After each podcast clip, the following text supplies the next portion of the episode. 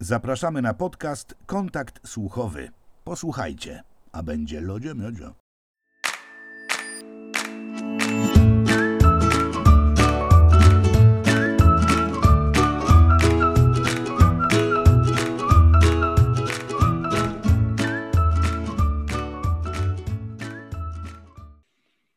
Dzień dobry, dobry wieczór. Witamy w dwunastym odcinku podcastu Kontakt Słuchowy, w którym naszym gościem jest Artur Juskowiak.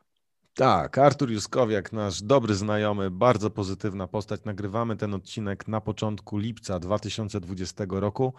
Jako ciekawostkę podajemy, że były to 24 godziny po rozmowie z Alanem Pokorzem, także no, zobaczycie, co u nas się zmieniło w ciągu doby. Podobnie jak praktycznie każdym gościem, z którym nagrywaliśmy do tej pory podcasty, także z Arturem rozmawiamy o pandemii, o tym, jak sobie w pandemii radzić, no ale również e, poruszamy temat granic w komedii, czy takie granice są, gdzie są, e, a także jak e, uczyć się improwizacji, na co warto zwrócić uwagę na początku i w późniejszych latach nauki. No i z takich, nazwijmy to, newralgicznych tematów, kiedy odejść z grupy impro. Zapraszamy. No, drodzy, drodzy, drodzy Państwo, naszym gościem jest Artur Juskowiak. Wybitna postać komediowa, na scenie komediowej, improwizacji teatralnej. Zawsze, Artur, pytamy, jak jednym słowem e, by się scharakteryzował nasz gość, w sensie improwizator, komik, artysta, śmieszek, co byś powiedział o sobie? To, to jest lista otwarta, możesz coś dodać. Tak. Um, ojej, no, no, no chyba, chyba komik, nie? Jakiś tam, chyba, chyba jakiś komik, no. Chyba tak, ja, chyba tak. Jakiś, jakiś, jakiś tam komik. Jakiś ja zawsze mam komik. problem z tym sklasyfikowaniem się, bo to, bo to niesie jakieś, wiecie, jakieś od razu odpowiedzialność i tak dalej, i tak dalej. I no, człowiek wiele rzeczy robi, w sensie ja wiele rzeczy robię, więc czasami ciężko, ale chyba głównie komik. Mhm. Mhm. No dobra, to dziękujemy za rozmowę. E, to wystarczy. Do zobaczenia. Słuchajcie, chłopaki.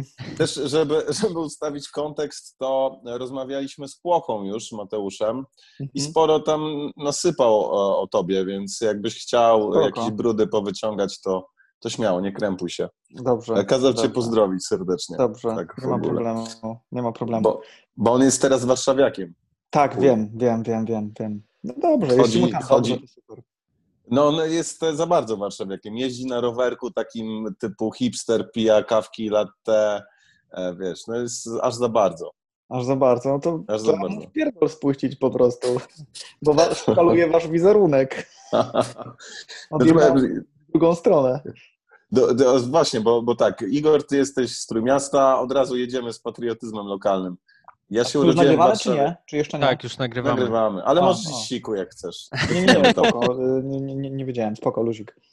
Znaczy my tak nagrywamy z Niemca, więc nigdy nie wiesz, e, tak. co, co nagraliśmy. Z Niemca. My sami nie wiemy. Z Niemca. To czemu się mówi z Niemca w no właśnie, czemu z Niemca? Bo oni zaatakowali Polskę, kuźwa, no z Niemca. Przypomnijmy, przypomnijmy. I to myślę, że no, taki my prowadzimy blitzkrieg. E, szybko z tobą pogadamy, a potem lecimy dalej. Wejdziecie mi na chatę. Tak, tak dokładnie. Potem jacyś Rosjanie i wiesz. Tak. Mm, ostatnio czytam Twardocha i nie wiem, czy mieliście okazję poczytać coś jego? Nie miałem okazji. Nie miałem okazji. Nie, też nie. Na Facebooku chyba kiedyś coś jego czytałem, ale to chyba nie, nie Ale to jest, to jest ten od fantazy? Nie. On jest Król, Królestwo, między innymi e, te książki traktują o II wojnie światowej i trochę przed. Nie czytałem. O, no, nawet spoko, relaksujące. No, Piek, nie wiem, piek... piję do tego, że z Niemca, może dlatego powiedziałem, że z Niemca, bo piek, coś Piękna recenzja, Łukasz. Na, na książkę o II wojnie światowej, nawet spoko. Fajnie się, e... fajnie się czyta. Fajnie się strzelali. tak, fajna zabawa. Fajna akcja. Duża międzynarodowa impreza. Tak, fajne bronie. Do, do, dokładnie, Fa, fajne tak mieli te sytuacje takie ogólnie, powiem. Bo no, fajny materiał tak. na książkę. Tak, tak. Chociaż e, trochę mnie e, analogia do obecnej sytuacji, e, mówię o pandemicznej. Mhm. Oczywiście Dobrze, bardzo, że podkreśliłeś. Bardzo, e, bardzo też e, wiadomo, proporcje są zaburzone, ale nadchodzi nowa rzeczywistość znikąd nowa taka, że się nie spodziewasz zupełnie, typu u nas, e, że być może za chwilę jakieś choroby zaatakują kolejne i kolejne, no bo co chwilę się coś czyta, że ostatnio było, że mm, kurde, w jakim to Wczoraj- państwie... Wczoraj E, Kanye West też ogłosił, że będzie Tak. kandydował na prezydenta USA. Wow. No to, to jest nowa rzeczywistość. Tak. Ale mówię o, o, o pandemiach, że wiecie, co chwilę nowe No ja plany. też. że- Okej, dobra, bo chciałem powiedzieć e, po angielsku, to się nazywało, dobra, wytniemy chyba cały ten początek. Dark Plague, Dark Plague została odkryta Plague, w, wow. zdaje się, w Mozambiku. Generalnie no chodzi W o to, sensie że... Juma. W sensie Juma, ale ty No. mówiłeś o Ka- Kanye West. Nie chciałbym, żeby ktoś to tak połączył, ale gen... chodzi o to... A to ty nasz- powiedziałeś Dark. Nie ja, naukowcy. Dobra. Myślę, że to jest strasznie, Niemcy, strasznie rasizm, rasistowskie, jedziemy, chłopaki. żeby nazywać tak chorobę. E, Dark Flag. Czarna jest nie- śmierć. Dark. Flag Matters. Ale wie, wiecie co, mam chyba jak, jakąś ambicję zacząć e, dziwnie, e, te, kontrowersyjnie. Zwykle właśnie do kontrowersji sprowadza się element, który wycinamy z tych podcastów. Miałeś, Artur, taką sytuację, że ktoś wyszedł z twojego występu, bo było za grubo? Tak. Łukasz, pie, pijesz do swojej ostatniej sytuacji? E, Bo właśnie wczoraj wieczorem o tym rozmawiałem. Może Mhm, do tego okej. przejdę, ale bardziej mnie ciekawi, co Artur, e, co, co tam się wydarzyło. Wiesz co, graliśmy, pamiętam bardzo dokładnie, e, graliśmy w takiej kawiarence przy, e, przy ośrodku Impart. W Wrocławiu jest taki duży ośrodek, e, em, taki, taki, no duża scena na 500 osób do Perele, bardzo fajny. Tam jest kilka różnych scen. E, W każdym razie tam graliśmy też na takiej małej scenie, kiedyś mieliśmy taki, taki cykl E, i pamiętam, że graliśmy scenę To graliśmy chyba Armando i graliśmy scenę, chyba mówiliśmy o jakiejś procesji bożociałowej, ale nie było tam jakoś obrazoburczo, nic z tych rzeczy. Em, I ktoś po prostu, kto grał właśnie tam e, osobę wierzącą, czy księdza, nie pamiętam, em, mówił dużo właśnie e, na- ten temat, ale to podkreślam, to nie było żadnych, e, żadnych obrazoburczych rzeczy. Po prostu parę razy pojawiło się e, słowo Jezus i, i pamiętam, że jedna pani wstała, e, krzyknęła, że, e, że ona nie pozwoli, by przy niej e, imię Pana Jezusa było szargane, czy coś, czy mówione nadaremno, o, co, coś takiego powiedziała, e, i wyszła. I, I moim zdaniem to było ok. W sensie później mieliśmy dużą przekminę, e, gadaliśmy, gadaliśmy wtedy jeszcze z takim Rysiem, naszym kolegą, który, który grał w improkracji kiedyś, no z osobą wierzącą i pytaliśmy go tak, czy, czy, czy coś nie okej zrobiliśmy, bo zazwyczaj wiemy, wiesz co zrobisz czasami nie okej na scenie. Będzie wszystko było w porządku i też mi tak się wydaje. Po tym oczywiście jak ona wyszła była, e, była wielka cisza i pamiętam, że e, Michał Grus, e, też kolega, który z nami gra, rozładował to napięcie mówiąc, coś tam gadał o kolejną linijkę tekstu i wypierdolił się o kabel e, jakiś tam od mikrofonów. I tak się porządnie wypierdolił i zaczęli ludzie się śmiać. To był taki wentyl, który spuścił cały ten klimat, nie? Ale, ale tak, wyszła ta pani i moim zdaniem e, totalnie spoko, że wyszła. Uważam, że totalnie publiczność powinna mieć możliwość, jeżeli coś ich obraża, po prostu wyjść, jeśli im się to nie podoba, nie? To, to, to takie bar, bardzo łaskawe No. wobec publiczności. Możecie wyjść, jeżeli wam się coś nie podoba. No, ale dokładnie tak jest, nie? I, i, i- to jest okej. Ja jestem naprawdę zwolennikiem, żeby publiczność przychodziła i siedziała i się dobrze bawiła, nie? Jeżeli się nie, nie dobrze bawi, to prawdopodobnie my nie jesteśmy dla nich, a oni dla nas. I to też jest totalnie okej. A Pocha ci mówił, co ostatnio się wydarzyło na testamencie Millennialsa? E, Tak, coś tam czytałem. Jezu, ktoś, e, tam chodziło o jakiś transfobiczny żart, dobrze mówię? Transfobiczny żart. Nie tak. znam szczegółów. Powiem, że chyba A ktoś... powiem ci w dwóch No. słowach i, i skomentuj proszę, bo Igor Mhm. to widział, też jestem ciekaw Igor, co ty powiesz.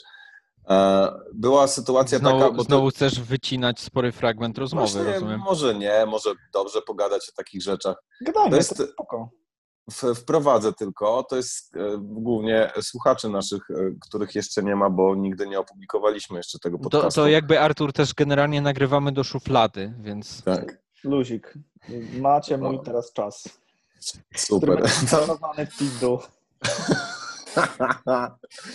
Uwielbiamy to robić. Zatem ten sketch show, ten testament niezły Millennialsa. prank.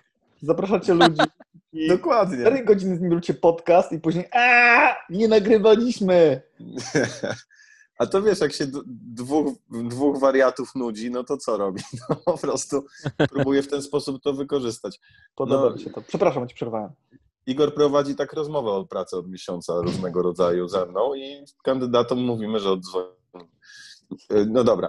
Sketch Show Testament Millennialsa i on jest napisany, składa się ze sketchów, które trwają między 3 a 5 minut, więc bardzo ważne to jest, że po pierwsze to jest napisane, czyli to nie jest sytuacja improwizacji, kiedy czasami nas ponosi w jakieś rejony, o których nie, nie zarządzamy tym. Tutaj mała dygresja. Widziałem kiedyś wasz występ dwóch panów z Antkiem, Syrkiem Dąbrowskim i pojechaliście, o, że Jezus kupców przepędzał ze świątyni. Tak, to Oglądałem to i wiedziałem, że ktoś, tam było ze 120 osób w klubie komediowym, że ktoś się przyczepi Mhm, e, czy to w internetach, na Facebooku, czy na wejściówkach, wystawiając opinie po spektaklu i tak było, mhm. ale miałem z tego przyjemność. W sensie to jest, to jest trochę ten problem, że my jesteśmy bardzo tolerancyjni jako osoby, prywatnie. I dlatego. To jest, to jest problem. To jest, to jest problem, bo na scenie gramy wszystko moim zdaniem, ze względu Powinniśmy na to, że... jako, że improwizujemy że improwizujemy to A, ale B wiemy, że my koment... nawet nie komentujemy czasem rzeczywistości, tylko prześmiewamy jakieś postawy i, i, nie, i, mamy z tym luz. W sensie, gdybym miał, nie miał luzu, to bym e, na przykład nienawidzę murzynów, e, gdybym nie miał z tym luzu, nie grałbym murzynów, bo, bo ich nienawidzę i tak dalej i tym podobne, albo grałbym rasistowskich białych panów. Ale że mamy generalnie z tym luz, mam wrażenie, to zaprowadza nas w różne, zwłaszcza w improwizacji, rejony i i schodzimy ze sceny i wiemy, że to był tylko przelot na chwilę i nie zrobimy nikomu krzywdy, bo my na życie tak nie myślimy. Czy to ja ci tu wejdę w hmm. słowo? Się trochę nie mogę zgodzić, ale... O, to, to super, to, to, ja najpierw wejdę w słowo, a zaraz Artur się nie zgodzisz. Dobrze. E, może też się nie zgodzisz z tym, co ja powiem. Ja, ja chciałem tutaj przytoczyć, e, kiedyś oglądałem stand-up e, Jima Jeffrisa, gdzie on opowiadał o takiej sytuacji, że tam w jakiś on miał swój występ i po tym występie ukazał się jakiś artykuł, który go tam generalnie cisnął, bo właśnie żartował z jakiegoś takiego poważnego tematu em, typu gwałt, chyba, to no. był gwałt, mhm. Y, no i jakby on zrobił po prostu żart y, w tym kontekście i wygłosił jakieś tam właśnie ze sceny parę, parę takich dosyć zabawnych rzeczy w, właśnie w tym obszarze. I on e, przytoczył właśnie fragmenty artykułu, że ktoś tam na niego naskoczył, że właśnie jak, jak, jak możesz coś takiego robić, bo to jest w ogóle niepoważne, nie można takich tematów żartować. No i on się tam do tego już tak dosyć poważnie odniósł, że generalnie to nie jest tak, że jak on wychodzi na scenę jako stand-uper i coś mówi, to jest tak, że on wierzy w to, co mówi. On po prostu uważa, że to jest zabawne, tak, w danym momencie. To nie jest tak, że to jest jego opinia, jego stosunek do, do jakiejś kwestii, tylko znalazł w tej kwestii coś, co y, spełnia jakieś tam kryteria bycia zabawnym i nie śmieszy tylko jego, ale też innych ludzi. Wydaje mi się, że to jest troszkę tak, że, że każdy gdzie indziej ma tą granicę, co jest zabawne, a co jest jakieś obrazoburcze, tak? Bo pewnie Artur dla tej pani, która była na waszym występie i słyszała to imię e, Jezus kilka razy, no mhm. to w jej jakby świecie, w jej reality to było obrazoburcze, a nie zabawne tak jak dla, nie wiem, 95% ludzi, tak, więc... To, to nawet nie było zabawne, co, co, co myśmy tam robili. A, no to, tym, no to tym ba, no to miała To było po prostu mówienie tego, tego, tego imienia okay. i w zasadzie tylko to, jeżeli ktoś faktycznie uważa, że, że, że mówienie tego gdzieś tam ze sceny nie powinno się tego mówić, to, to mhm. totalnie okej okay może wyjść i to jest totalnie okej. Okay. My też mieliśmy takie poczucie, że nie zrobiliśmy nic złego, bo czasami jest takie poczucie, że zrobiłeś coś tak. złego, ale tutaj nie mieliśmy, więc jakby nie, nikogo nie obraziliśmy, tak z mojego punktu widzenia. Um, jedynie jeżeli według niej, no, no, to było według niej, no to może po prostu wyjść. A to, do czego chciałem się nie zgodzić, bo tu dochodzimy do takiego tematu, dosyć szybko przeskoczyliśmy, co jest śmieszne, z czego można się śmiać. I no to właśnie. Jest, no, wiecie, to, to, jest temat rzeka, możemy 4 godziny o tym gadać. Natomiast a propos Łukasz tego, co mówiłeś, E, żarty właśnie z takich rzeczy bardzo nieśmiesznych. Moim zdaniem dużo nad tym myślałem i zastanawiam się faktycznie, czy można, czy, czy, czy z czegoś nie powinniśmy się śmiać. E, nie chciałbym stawiać jakichś granic sztuki, bo to jest, to jest bez sensu. Zresztą kim, kim, kim jesteśmy, żeby takie rzeczy robić. Natomiast wydaje mi się, że możesz śmiać się chyba ze wszystkiego, ale musisz liczyć się z jakąś krytyką. W sensie, że na przykład jak pójdziesz na scenę i nie wiem, posadzisz klocka, zestrasz się, no to ludzie wyjdą, no to nie miej pretensji, ej, no co jest grane, czym was obraziłem, czy to było kurwa zabawne. No, no być może dla ciebie, ale na przykład dla nich nie i prawdopodobnie albo nie będziesz mieć tej publiczności w ogóle, albo bardzo małą. I to jest też okej. Możesz mieć taką publiczność, małą. Trzy osoby, które przychodzą co miesiąc do klubu komediowego zobaczyć, jak zając na przykład strana scenę. Może tak być, nie? Luzik. Cały ja. Podpowiedziałeś mu właśnie nowy format. Format. Zrób klocka z zającem. W każdym razie y, chodzi mi bardziej o to, że i tak na przykład ta, ta, tam powiedziałeś wcześniej o, y, o tych żartach właśnie a propos rasizmu i tak dalej, o ile dobrze pamiętam. To ja osobiście Nie, to, kurczę, ja chyba źle operuję słowem. Ale, Ale to do, jest do, to- dokończ. Wiesz co, znaczy, bo na przykład z tego, co zrozumiałem, to mówiłeś o tym, że na przykład jak ktoś na stanie, nie wiem, śmieje się, załóżmy, z czarnych, tak powiedziałeś, czy źle powiedziałem? Nie, powiedziałem bardziej to, że my, ponieważ jesteśmy moim zdaniem w większości osobami mocno tolerancyjnymi, to nie mamy problemu, żeby wcielać się w postaci i odgrywać Okej, jakieś sytuacje, że nie blokujemy się. Mhm. E, Wiesz, że nie, nie, nie mam, e, ponieważ bardzo szanuję wszelkie religie, nie mam problemu, żeby zagrać Jezusa, który zszedł na ziemię i wszedł do Mhm. pubu i e, kupuje piwo i rozmawia z ludźmi o, o czymś zwykłym. Dla niektórych to już jest granica, którą e, no, pojechałem po, po, po ideologii, po, po religii, a w mojej głowie to jest tylko chwila na scenie. Nic nie, nie mówię, że ten Jezus będzie za chwilę serał na scenie, bo, bo dla mnie Tak. też jest pewna granica dobrego smaku, ale Tak. nie boję się pewnych tematów e, trochę używać, Mhm. nie szkalować i robić, żeby były obrazoburcze, e, a dla, dla ludzi, którzy są bardzo z tym związani i bardzo ideologicznie, trochę skrajnie bronią niektórych idei, Mhm. no to jest już przekroczenie wszelkich granic. To, co powiedziałeś, że padło Mhm. Jezus i koniec, Mhm. wyłącza mi się mózg. Tego nie można było powiedzieć w tym miejscu. Ja myślę, że jakby jak ktoś przychodzi na komedię, to moim zdaniem troszkę musi się liczyć z tym, że będzie humor. Mam nadzieję, że tak jest. I, i, może się zdarzyć tak, że z pewnych tematów y, będzie jakaś tam beka toczona. I nieważne, Mhm. czy na przykład, czy uważasz, że kurwa, burak jest święty, jak ktoś powie, że je buraczoną zupę, to wychodzi. To, to nie ma kompletnie znaczenia. Idąc na komedię, musisz, moim zdaniem, jako widz, idący na komedię, powinienem mieć w głowie to, że ludzie będą próbowali albo mówić pewne rzeczy, swoje przekonania, albo coś z pewnym zabarwieniem komediowym. W ten sposób podawać to na przykład lżej. Mhm. Ja uważam, że można totalnie robić komedię na, na, na, bardzo trudne tematy i na obrazoburcze, tylko uważam, że trzeba robić też trochę z głową i też jakby przekazywać swoją myśl, bo na przykład przecież mogę zagrać w scenie jakiegoś e, e, rasistowskiego homofoba, ale fajnie, żeby na przykład, żebyśmy my jako grupa, załóżmy, zobaczyli, że jest taka postać i na przykład wyrazić pewne przekonania na ten temat, typu na przykład powiedzieć, że stary, jesteś chujem, przykładowo. Ale na przykład ja jako świadomy jestem tego, że gram taką postać, na przykład mogę sprawić, że ona w czymś, załóżmy, przegra. Albo się okaże, że nie wiem, nie ma racji. Albo pokazać Mhm. jej pewien, no, pewien błędny tok myślenia, który ma, według mnie Artura, a nie według postaci, którą gram. Więc mi się wydaje, że możemy takie rzeczy robić, oczywiście ze smakiem, tak jak powiedziałeś, bo też uważam, że. No ale to jest kwestia tego, no, nas, twórców, nie? Co, do czego jesteśmy w stanie się posunąć. Ja uważam, że można takie rzeczy robić i na przykład jak się już pojawią y, w spektaklu, to jest często to jest ciekawy punkt, moim zdaniem. To też świadczy, jak y, improwizatorzy sobie radzą z takimi tematami. Wydaje mi się, że jak się pojawi jakiś taki temat albo coś bardzo niewygodnego, to naprawdę uważam, że można z tego zrobić coś fajnego. Pokazać ludziom, że y, co my myślimy na ten temat. I, I nie ma problemu w tym, że ja zagrałem tego rasistę, tylko pytanie, jak on, jak na końcu sceny, na końcu spektaklu ta postać wybrzmiała. Czym ona jest zabarwiona. No tak, bo to, to, że on jest rasistowski, używa klasycznego języka i granie tym stereotypem, to za mało. To jest za mało, to jest ewidentnie no, za mało. To jest po prostu Zdecydowanie. to jest po prostu pierdzielenie tego i samego, co, co wszyscy dookoła robią, nie?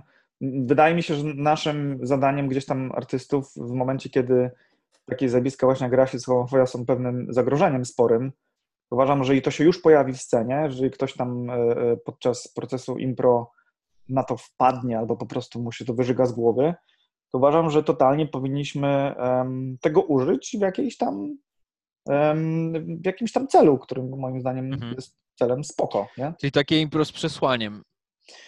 Y, Tak, aczkolwiek nie wchodziłbym do sceny albo przed spektaklem, że hej, dzisiaj będziemy dydaktyzować mocno. Tak. was Dzisiaj nauczymy- rasista i on potem przegra Tak, i pokażemy. Tak, że mycie zębów jest ważne. Nie, nie, Tak. nie. Chodzi mi o to, że raczej kiedy już się jakby coś zesra na scenie, że o kurwa, Marek znowu gra rasistę. Ja pierdolę. To setny raz w tym roku, Marek. Tak, no to wtedy, wtedy ważne, żeby, żeby pokazać, że, że być może ta postać nie jest spoko, nie? Znaczy, Mhm. Na pewno. No Okej, bo to jest jakby, bo ty mówisz teraz o improwizacji, nie? Tak. Czyli czymś, co się... A teraz przechodząc do twojego Jeffreysa. Jeffreysa Em. i też Łukasz chciał, nie wiem, czy Łu- Łukasz, e, myślę, że będzie dobrze, jeżeli dokończy ten wątek, e, który zaczął, co się zadziało na tym A testamencie. to Miasta. wrócę do tego, bo, bo, ty, wrócimy, tak. bo teraz Artur, e, który bardzo dobrze wszystko pamięta, odwołuje Próbuję się do twojego wątku te pomo- pobocznego, czy do Jeffrisa, no no. Tak, Jeffreysa. Jeffreysa bardzo lubię. Bardzo lubię jego stand-up. Zaraz Jego- chyba wychodzi nowy zresztą, nie wiem, czy... Aż tak go nie śledzę. Aha. No to za, za parę dni na Netflixie. Wydaje mi się, że stand-up Za, może zapłacili taki, że... mi, żebym to powiedział, więc... To jest ważne, to jest Mówię. ważne. Zarabiaj człowieku, zwłaszcza teraz. Um, chcesz po- powiedzieć jeszcze raz teraz? Y, Netflix, Jeffries, y, niedługo. Y, Już oddaję głos Arturowi. E, Kwestia za kwestię, przepraszam. Tak, luzik. Em, więc wydaje mi się, że to też jest jakby decyzja artysty stand-upera, czy, czy on robi sobie postać, którą ogrywa, czy, czy, czy jest sobą i wyraża jakieś poglądy. Tak czy tak, jest odpowiedzialny za to, co robi na scenie. I jeżeli nawet jego żarty, y, które wyrażają jakiś pogląd, y, nie są bliskie jemu prywatnie, no to musi się liczyć z tym, że ktoś się na to wkurzy, obrazi i że to będzie nie w porze. I ktoś mu powie, że to jest nie w porze. I, i, i to jest totalnie okej, moim zdaniem. W sensie nie broniłbym tu żadnej strony. To znaczy, a może broniłbym? Chyba broniłbym tu publiczności bardzo. W sensie, y, jeżeli gość powiedział coś takiego, wiem, załóżmy o gwałcie, co jest dosyć trudnym tematem i, i, i bardzo, no kurde, poważnym. Jeżeli zrobił z tego bekę, okej, To znaczy, e, no jakby, przepraszam, że ci wejdę w słowo, jasne. E, to, to też nie, nie było jakieś... e, Nie widziałem tego, więc nie o czym gadam. No właśnie, więc e, nie, nie, nic się nie dzieje. Nie wiem, o czym gadam. E, to też, wiesz, to, to jakby gwałt to był jakiś tam temat. e, Mhm. Casualowy. Słucham? Casualowy temat. Tak, no bo to jest przecież to, nie, nie gadasz na imprezie w ramach small talku o, o Teraz tym? właśnie żartujemy w ten sposób. Właśnie. Żart, to był żart. Dwa. To był żart. Nie, tam akurat y, z tego co pamiętam, to, to, to był jakiś taki e, motyw, y, że on, on opowiadał o, o historię, że po jakimś, e, po jakimś e, castingu e, on y, tam poznał jakąś laskę i ta laska zaproponowała mu po tym castingu, że go podwiezie do domu, e, czy gdzie tam on chce i przed tym e, jak wsiadła do, e, jak wsiedli do auta, to ona zadzwoniła do swojej tam chyba matki czy jakiejś przyjaciółki, no i powiedziała, że słuchaj, mamo, e, wsiadam z takim kolesiem, jak się nazywasz? No tam Jim Jeffries, wsiadam z takim kolesiem e, e, do auta, teraz będę go podwoziła, jeżeli się nie odezwę tam w ciągu, nie wiem, 40 minut, no to żebyś wi- wiedziała, że mnie tam, nie wiem, zgwałcił czy coś, nie? I, i on, wiesz, on taki zamurowany po prostu jechał, jechał wsiadł, wsiadł do tego auta, jedzie z nią i e, w pewnym momencie powiedział e, you made this rape really awkward. Aha, że I to o to chodziło, jakby to był ten żart, y, gdzie padło słowo gwałt, tak, okej, okej, okej, Dla mnie to raczej, tak jak teraz to opowiadasz, znowu, nie widziałem tego, to wygląda, że on raczej, ja bym to odebrał, tak, że on zrobił sobie bekę, że wygląda na gwałciciela. Po prostu babka wsiadając, tak, tak, y, tylko że jakaś tam gazeta, wiesz, pewnie no to wzięła i Okej. zacytowała go No okej, jakby rozumiem. właśnie tak. Tak to mniej więcej wyglądało. ale to jest chyba, właśnie chyba, bo widziałem to dosyć spoko. dawno. Najgorsze, jeżeli ja coś popieprzyłem. E, To by było, to by było Ja, najgorsze. ja obejrzę to, Obejrzyj to i potem napiszę i przeczytacie to na koniec podcastu moje, moje, moje zdanie. Oświadczenie. Oświadczenie. Artura J. Tak. tak, tak. E, No, to- ale, ale wydaje mi się, że no, nieważne tam, co tam napisali, ale no, jeżeli gdzieś to zrobił, no to musi się liczyć z konsekwencjami jakimiś, jakimikolwiek oni są. Druga sprawa, czy ktoś faktycznie jest przeczulony i manipuluje jego wypowiedź albo wyolbrzymia pewne rzeczy. No ale to już jest nie w porządku w stosunku do, do artysty i nie w porządku z perspektywy tych tam dziennikarzy czy kogoś. Tam Mhm. mówię, nie znam sprawy, strzelam w ciemno. Jasne. Ja też, wiesz co, no myślę akurat w przypadku Jeffreysa to jest e, dosyć świadome, no to jest gdzieś tam gościu, który mówi kontrowersyjne rzeczy często ze sceny, czy mówił. E, No zresztą też on, e, z tego co kojarzę, to jeszcze jak nie był taki rozpoznawalny, to, to chyba wypłynął na, na światło dzienne tym, że w trakcie jakie, któregoś z jego występów właśnie mówił coś takiego gdzie w kimś z widzów to, to właśnie mocno tam gdzieś spowodowało bulgotanie, na tyle, że, że gościu wszedł na scenę i po prostu sieknął, nie? I tam potem ochrona go zdjęła. Jest, jest na YouTubie filmik, e, czy przynajmniej jakiś czas temu jeszcze wow. był, gdzie koleś po prostu przychodzi i dostaje, wiesz, y, daje strzała Jeffreysowi, tam tłum oczywiście, o, co tu się dzieje, potem on wychodzi i dostaje owację, więc na, na tym gdzieś tam wypłynął, nie? Więc... Spoko, no. Więc też takie, myślę, że ma to we krwi.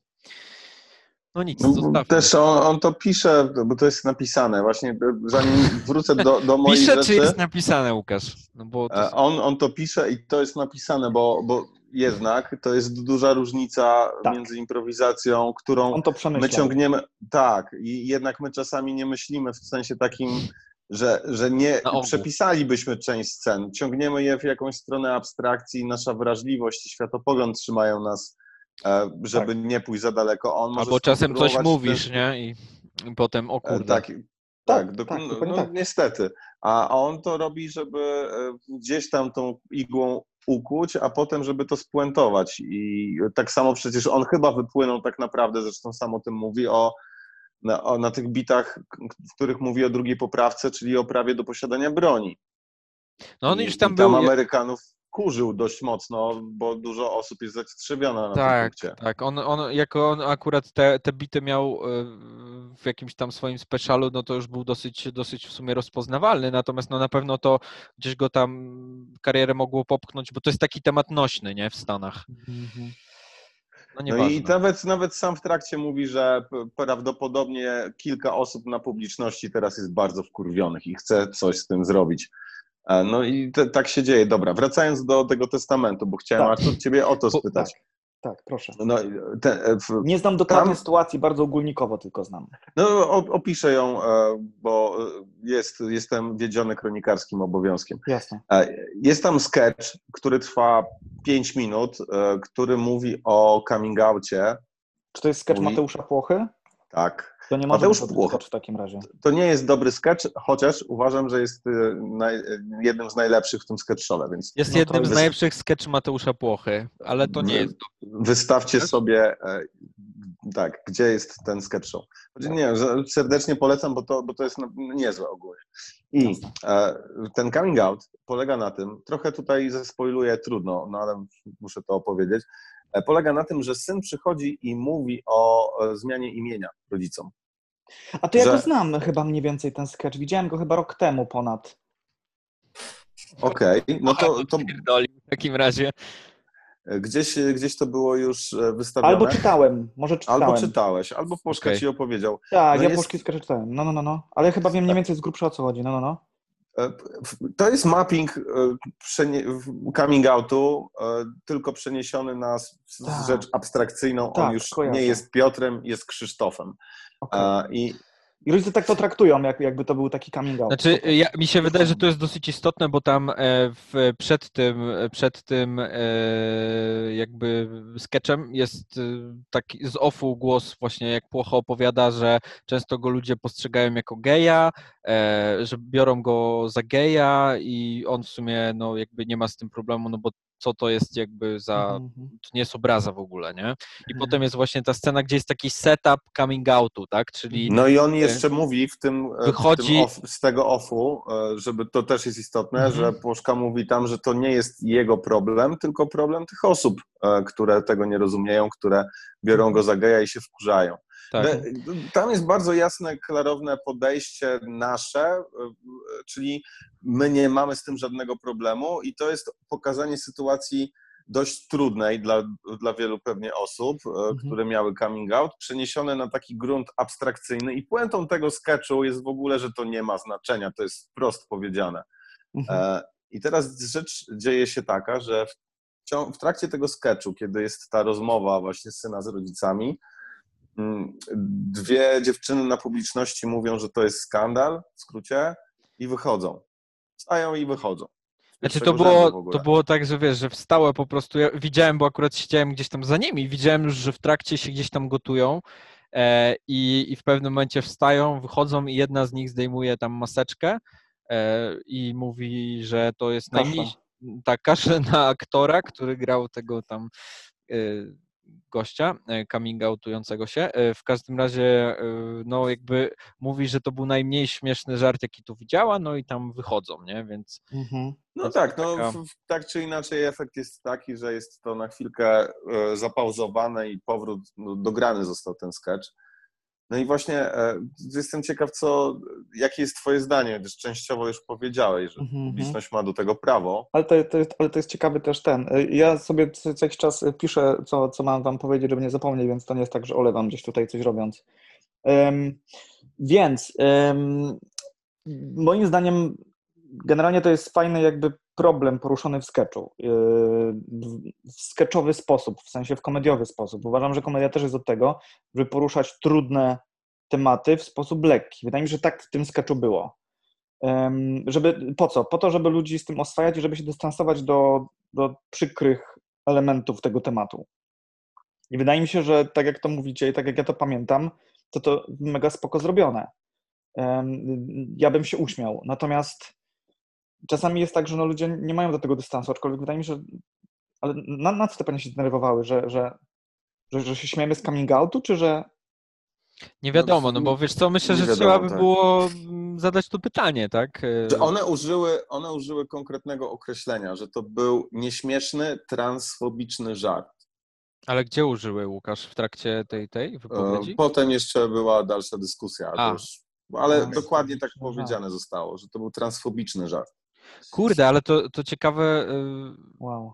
My w ogóle swoją drogą na próbach, i Mateusz też to poruszył, on To powiedział, że jego no. zdaniem może to być odebrane jako transfobiczny żart. A my mu powiedzieliśmy, e, e, my wszyscy w, w obsadzie sketch show, że to jest tak zmapowane i przeniesione w tak e, wrażliwy sposób jednak mimo wszystko i pokazujący rzeczywistość, że nie powinno być, ale dokładnie to się stało i to Mhm. za czwartym razem, gdy graliśmy sketch show, czy za Aha. trzecim, więc A to była E, zmiana imienia z, być. z damskiego na No męskie? właśnie nie. nie, nie. No nie, właśnie to nie do końca, bo to była Może zmiana imienia z. Krzysztof, z Piotr na Krzysztof. No właśnie, może one nie strzeliły polega- tego. To, to, Ale to, no to wiesz, to- to- żart.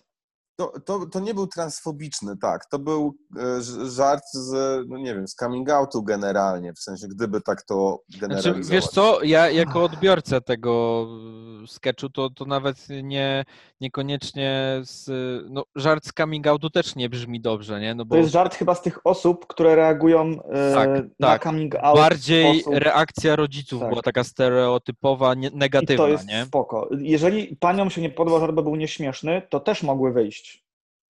I to totalnie okej, że ich coś nie śmieszy, że wychodzą. Dziwię się, że musiały wyjść, e, żeby tak pokazać, że nieśmieszne, ale ludzie w różny sposób to pokazują. Tak. To też jest moim zdaniem okej, ale nie, zgodzi, nie zgodzę się chyba, że to był transfobiczny żart. Bo z tego co No rozumiem, nie chyba wiem. to nie był transfobiczny żart. Znaczy, co, co do nomenklatury, bo gdyby to zamienić, powiedzmy, że to był żart z coming outu, co oczywiście Albo też homofobiczny żart. na przykład, Homofobiczny. Ale to nie... E, nie wiem. No wiecie, bo, bo parę rzeczy tam jest. Po pierwsze, mm, ja mam tak. Pierwsze, to jest miejsce komediowe. Komediowe, które jest też, e, to co mówiłem wcześniej, raczej, znaczy raczej budowane przez osoby, które nie mają problemów żadnych e, z różnymi, e, z różnym podejściem do życia i sami to podejście jakoś personifikujemy. Więc to nie jest Mhm. tak, że my jesteśmy homofobiczni, fobiczni w jakikolwiek sposób, jasne. nie wiem, tak, e, atakujemy jakieś mniejszości. Zdecydowanie popieramy. Więc to po Mhm. pierwsze, kontekst jest tego dość szeroki. To nie jest, e, wiecie, to nie jest scenka odgrywana na, mm, na jakimś placu, gdzie można się spodziewać, że dostanie się za chwilkę jeszcze w mordę za swoje poglądy. Zdecydowanie nie. To jest Mhm. dodatkowo miejsce komediowe, a komedia jest dość silną formą wyrazu i mówienia swoich poglądów w sposób zdystansowany i raczej coś jest głębiej niż to, co widzimy na powierzchni. To, więc to też ten kontekst broni. Trzy, że każda budowa tego sketchu e, jest taka, że jest wprowadzenie tematu, kontekst, nasilenie, a potem jest puenta. Puenta często rozwiązuje wątpliwości. Panie wyszły 30 sekund przed puentą, która mówiła dokładnie, że to nie ma znaczenia, w sensie, że jesteśmy totalnie za, e, za, za tym i piętnujemy raczej reakcję rodziców, która e, w tym wypadku jest no, nietolerancyjna. Więc dużo tam rzeczy się nałożyło. Ja też uważam, że, że te panie miały prawo wyjść. Tylko szkoda mi na przykład tego, że nie miały tyle cierpliwości, żeby zobaczyć to do końca, żeby wiedzieć, dlaczego wychodzą. O tak. Wiesz, to jest tak, tak jak one mają prawo wyjść, tak my mamy prawo powiedzieć, że to panie były niekulturalne. Tak. E, mamy prawo to powiedzieć, że po prostu wyszły w trakcie, nie, nie, nie, nie, nie jakby nie, nie oglądając całego Znaczy, dzieła dla, dla mnie, tak, dzieła. wiesz, końca, które, które ma jakby pewien wydźwięk też na końcu, tak jak film. Jakbyś wyszedł po 10 pierwszych minutach filmu, gdzie tylko gadają i mówi, że jest nudny, a później na przykład od razu się ścigają, załóżmy, autami i napierdzielają. I wydaje mi się, że to, my też mamy prawo powiedzieć o tych paniach, że no, nie były zbyt kulturalne, nie? Pod tym kątem, że wyszły w trakcie, bo w zasadzie nie wychodzi się podczas spektakli, nie? ale to Ale wiesz, Artur, prawo. No, myślę, że da, Mhm. dajmy sobie prawo do wielu rzeczy, nie? I to się gdzieś wy, wy, wycyrkluje i wykalibruje, kto nas ogląda i, i, i dla kogo to robimy, nie? Dla mnie, dla mnie, znaczy ja, ja miałem jako też y, widz wtedy y, taką refleksję, że po pierwsze to jest bardzo duże, bardzo duża gdzieś tam z mojej perspektywy nadwrażliwość na, na, na coś, co tak mi się kurde wydaje, no średnio, średnio gdzieś tam obra ma na celu obrażenie kogoś. Może to jest tak, że nie rozumiały właśnie intencji Mhm. tutaj, bo, bo, bo gdzieś tam, nie wiem, Mhm. nie dosłyszały, że tutaj było męskie imię zamienione na inne męskie imię i uznały to To właśnie za ciężko jakąś tam na swoje ciężko powiedzieć, ale naj, to, co mnie najbardziej uderzyło, to taki, nie to, że wyszły, bo spoko, niech sobie tam ktoś wychodzi z, z różnych Mhm. powodów, nikomu się nie musi tłumaczyć, ale taka potrzeba, żeby jeszcze zamanifestować to i żeby, wiesz, zdjąć tą maseczkę, stanąć pod sceną i Mhm. powiedzieć, że to był najmniej śmieszny żart, y, jaki słyszałam w tym miejscu, tak żeby, wiesz, żeby wszyscy Mhm. po prostu to usłyszeli. Dla mnie to jest jakaś taka skrajna forma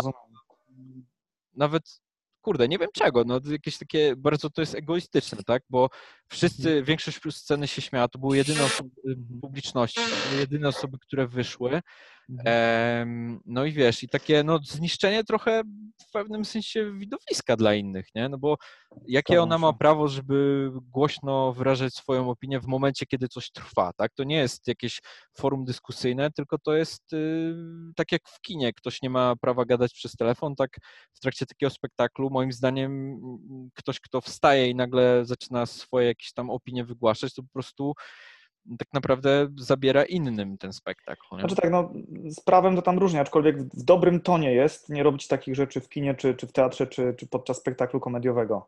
Zgadzam się z tobą, Tak, nie? nie, nie mówię o ustawie, która zakazuje, No tylko, tak, tak, tak. tylko raczej wiesz, no kurde, ja mogę powiedzieć, weź, tak. weź, wychilluj, tak mi się to podoba. uści- uściślić, Pewnie. Ja, ja się z tobą zgadzam, że, że ta pani nie fajnie zrobiła faktycznie, no ale widocznie mo- mocno ją to uderzyło. Trudno powiedzieć z jakich to względów, czy dlatego, że nie zrozumiała, czy nie słyszała puenty, czy po prostu faktycznie jej się tak wydaje, że to jest to transfobiczny żart z jakichś tam jej perspektyw.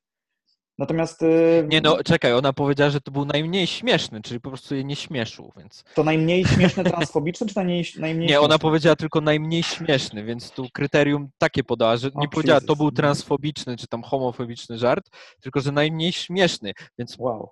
więc ciekawe, No to- czy jeżeli jeszcze mniej śmieszny żart będzie, to ona też wstanie i powie, że numer ciekawe. jeden w tym tygodniu Ale to jeszcze nie zdarzyło mi się, żeby, nie, nie widziałem nigdy, żeby ktoś wyszedł mówiąc, że coś jest tak nieśmieszne, że muszę wyjść. Je, jeszcze mi się to nie zdarzyło. E, bo wydaje mi się to dla mnie troszkę, no kurde, no, no jakby to powiedzieć, jak oglądasz sobie film jest dla ciebie nieatrakcyjny, to go wyłączasz, nie? Faktycznie możesz tak sobie zrobić w domu, ale tak jak, jak siedzisz z ludźmi i faktycznie krzyczysz to, to tak jak powiedziałeś, może być to egoistyczne, że Mhm. ktoś wyraża tylko swoją rzecz, psując trochę ten spektakl i wychodząc, nie? Jest, to jest bardzo ciekawe, no, no, no shit happened, no. Dobra, ja myślę, że ten, że już sporo czasu o tym Temat przeruchany. gadaliśmy. Tak. E, Pytanie teraz to może w drugą stronę. Co ciebie śmieszy w komedii? E, Mhm. Wiesz, tak, tak jakby jakiś taki...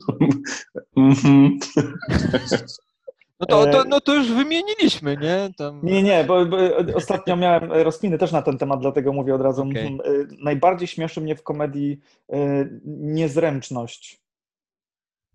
Mhm. Szeroko rozumiana. Dla mnie najlepsze momenty komediowe, kiedy ja po prostu parskam śmiechem, jest to, kiedy jest tak niezręcznie na scenie między postaciami, czy jakaś sytuacja jest mega niezręczna, że, że po prostu ja się wtedy śmieję z, z takiego spuszczenia napięcia. I, y, A masz, masz jakieś przykłady tego, takiej niezręczności, nie wiem, w filmie, w, w Tak. Czy, Ja na przykład ubóstwiam, y, ubóstwiam serial The Office. tak.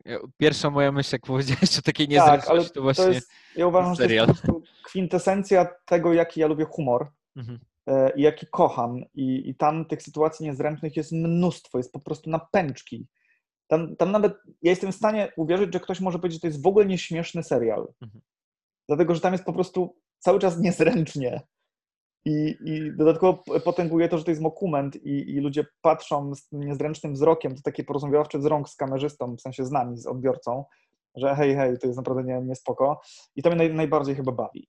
Bawią mnie też, y, jak, jak postacie komediowe e, są w jakiś sposób przegrane, dlatego że w jakiś tam sposób, mają jakieś wady, dlatego że jest to takie dla mnie też uwalniające, każdy ma wady, lubimy się z tego śmiać.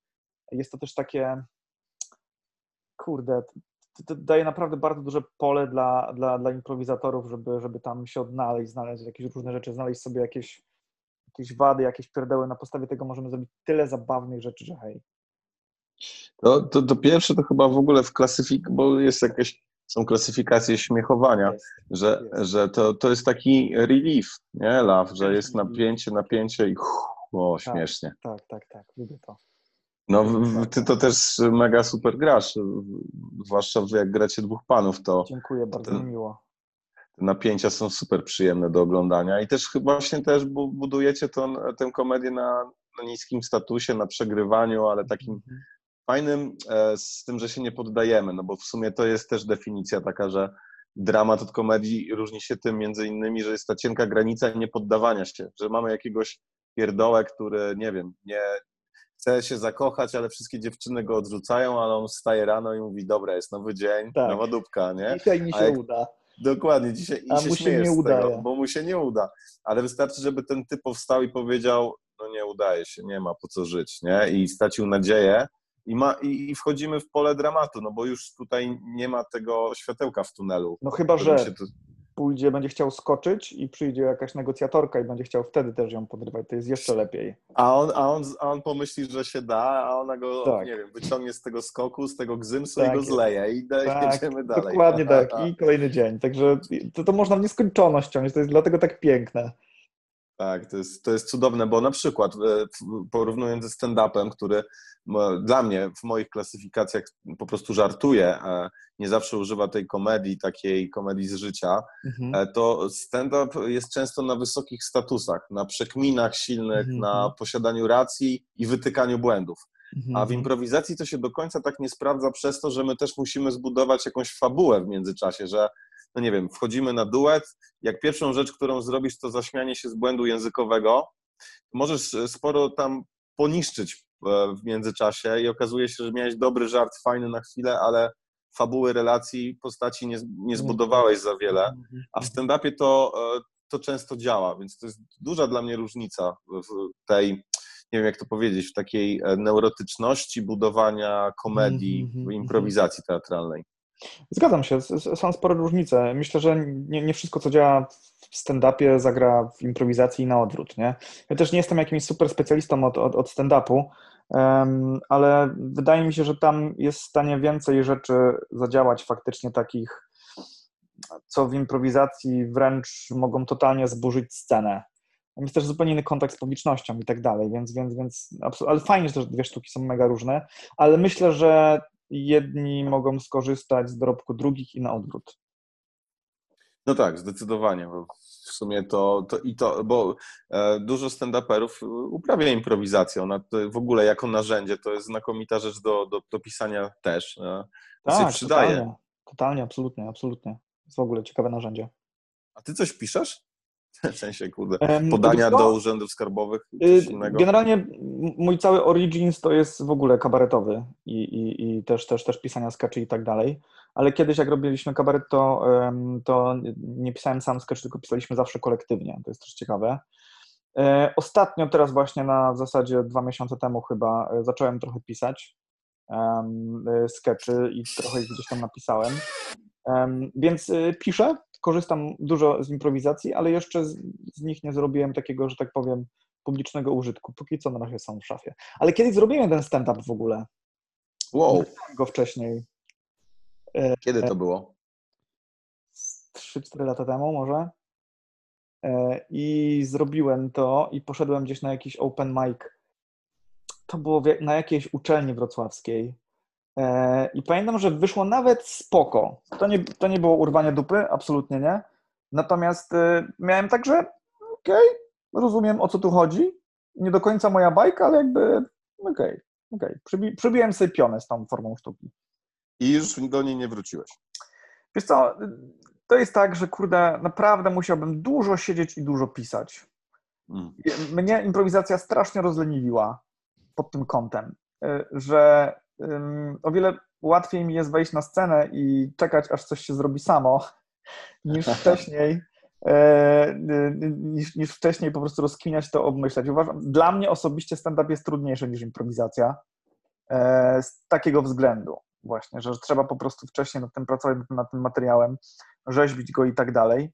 Mogą wyjść super rzeczy, natomiast dla mnie jest to trudniejsze. I też za- zapamiętywanie tekstu jestem, jestem z tym strasznie słaby. E, Jakieś traumy chyba mam po prostu z podstawówek i tak dalej, trzeba było wierszyki kurwa się uczyć. I po prostu improwizacja mnie wyzwoliła, bo, bo wystarczy, że będę reagować i, i dbać o partnera, gdzie spoko. Tak się wydaje, że to To- takie To proste. ci- no. ciekawe w To kontekście nie jest tego, takie proste, ale faktycznie więcej na tym to polega z grubsza. Ciekawe to jest w kontekście tego, że często po, po jakimś dobrym występie impro to ludzie podchodzą i mówią, że, że to nie było improwizowane, to, to musiało być napisane, nie? W kontekście tego, co, o czym mówisz, czyli Tak. I, i, I to jest często Tak. e, komplement e, e, dla, dla improwizatorów, jeżeli ktoś nas oskarży. Chociaż miałem kiedyś taką sytuację, że gość nas oskarżał i z takim wkurwem.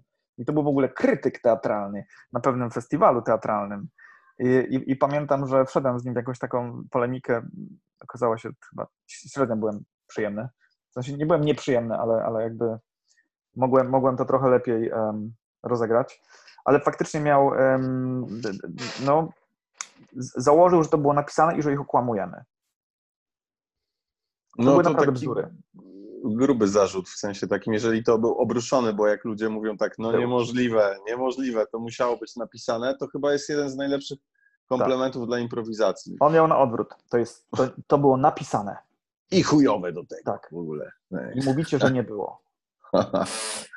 Znakomite. No, a właśnie, bo to jest ciekawe. A propos e, napisania, nie napisania komedii i dramatu, uważasz, że improwizacja powinna być komediowa w sensie takim, że śmiechy, żarty, chichy, czy dramaty też? Pff, Wydaje mi się, może inaczej. Ja lubię improwizację komediową. I ja raczej tylko taką będę robić. Znaczy, oczywiście, że w każdej takiej, takim spektaklu super, jak są takie rzeczy troszkę poważniejsze, wtedy ta komedia nabiera gdzieś tam znaczenia.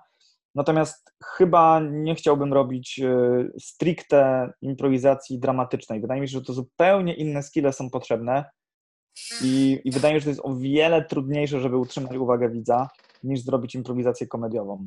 Więc y, na pewno są grupy, nie widziałem jeszcze chyba takich w 100%, żeby robiły dram. Trochę widziałem, ale to nie były nigdy dobre rzeczy. Em, Za granicą głównie widziałem i nie mam dobrych wspomnień z tym. Więc póki co, z mojej perspektywy, z mojego doświadczenia, nie za dobrze to działa. Ale być może jest gdzieś na świecie grupa, która robi to rewelacyjnie, kurwa, i obstram się, jak to zobaczę. E, Natomiast jeszcze tego nie widziałem, więc póki co nie. Wolę, wolę komediową.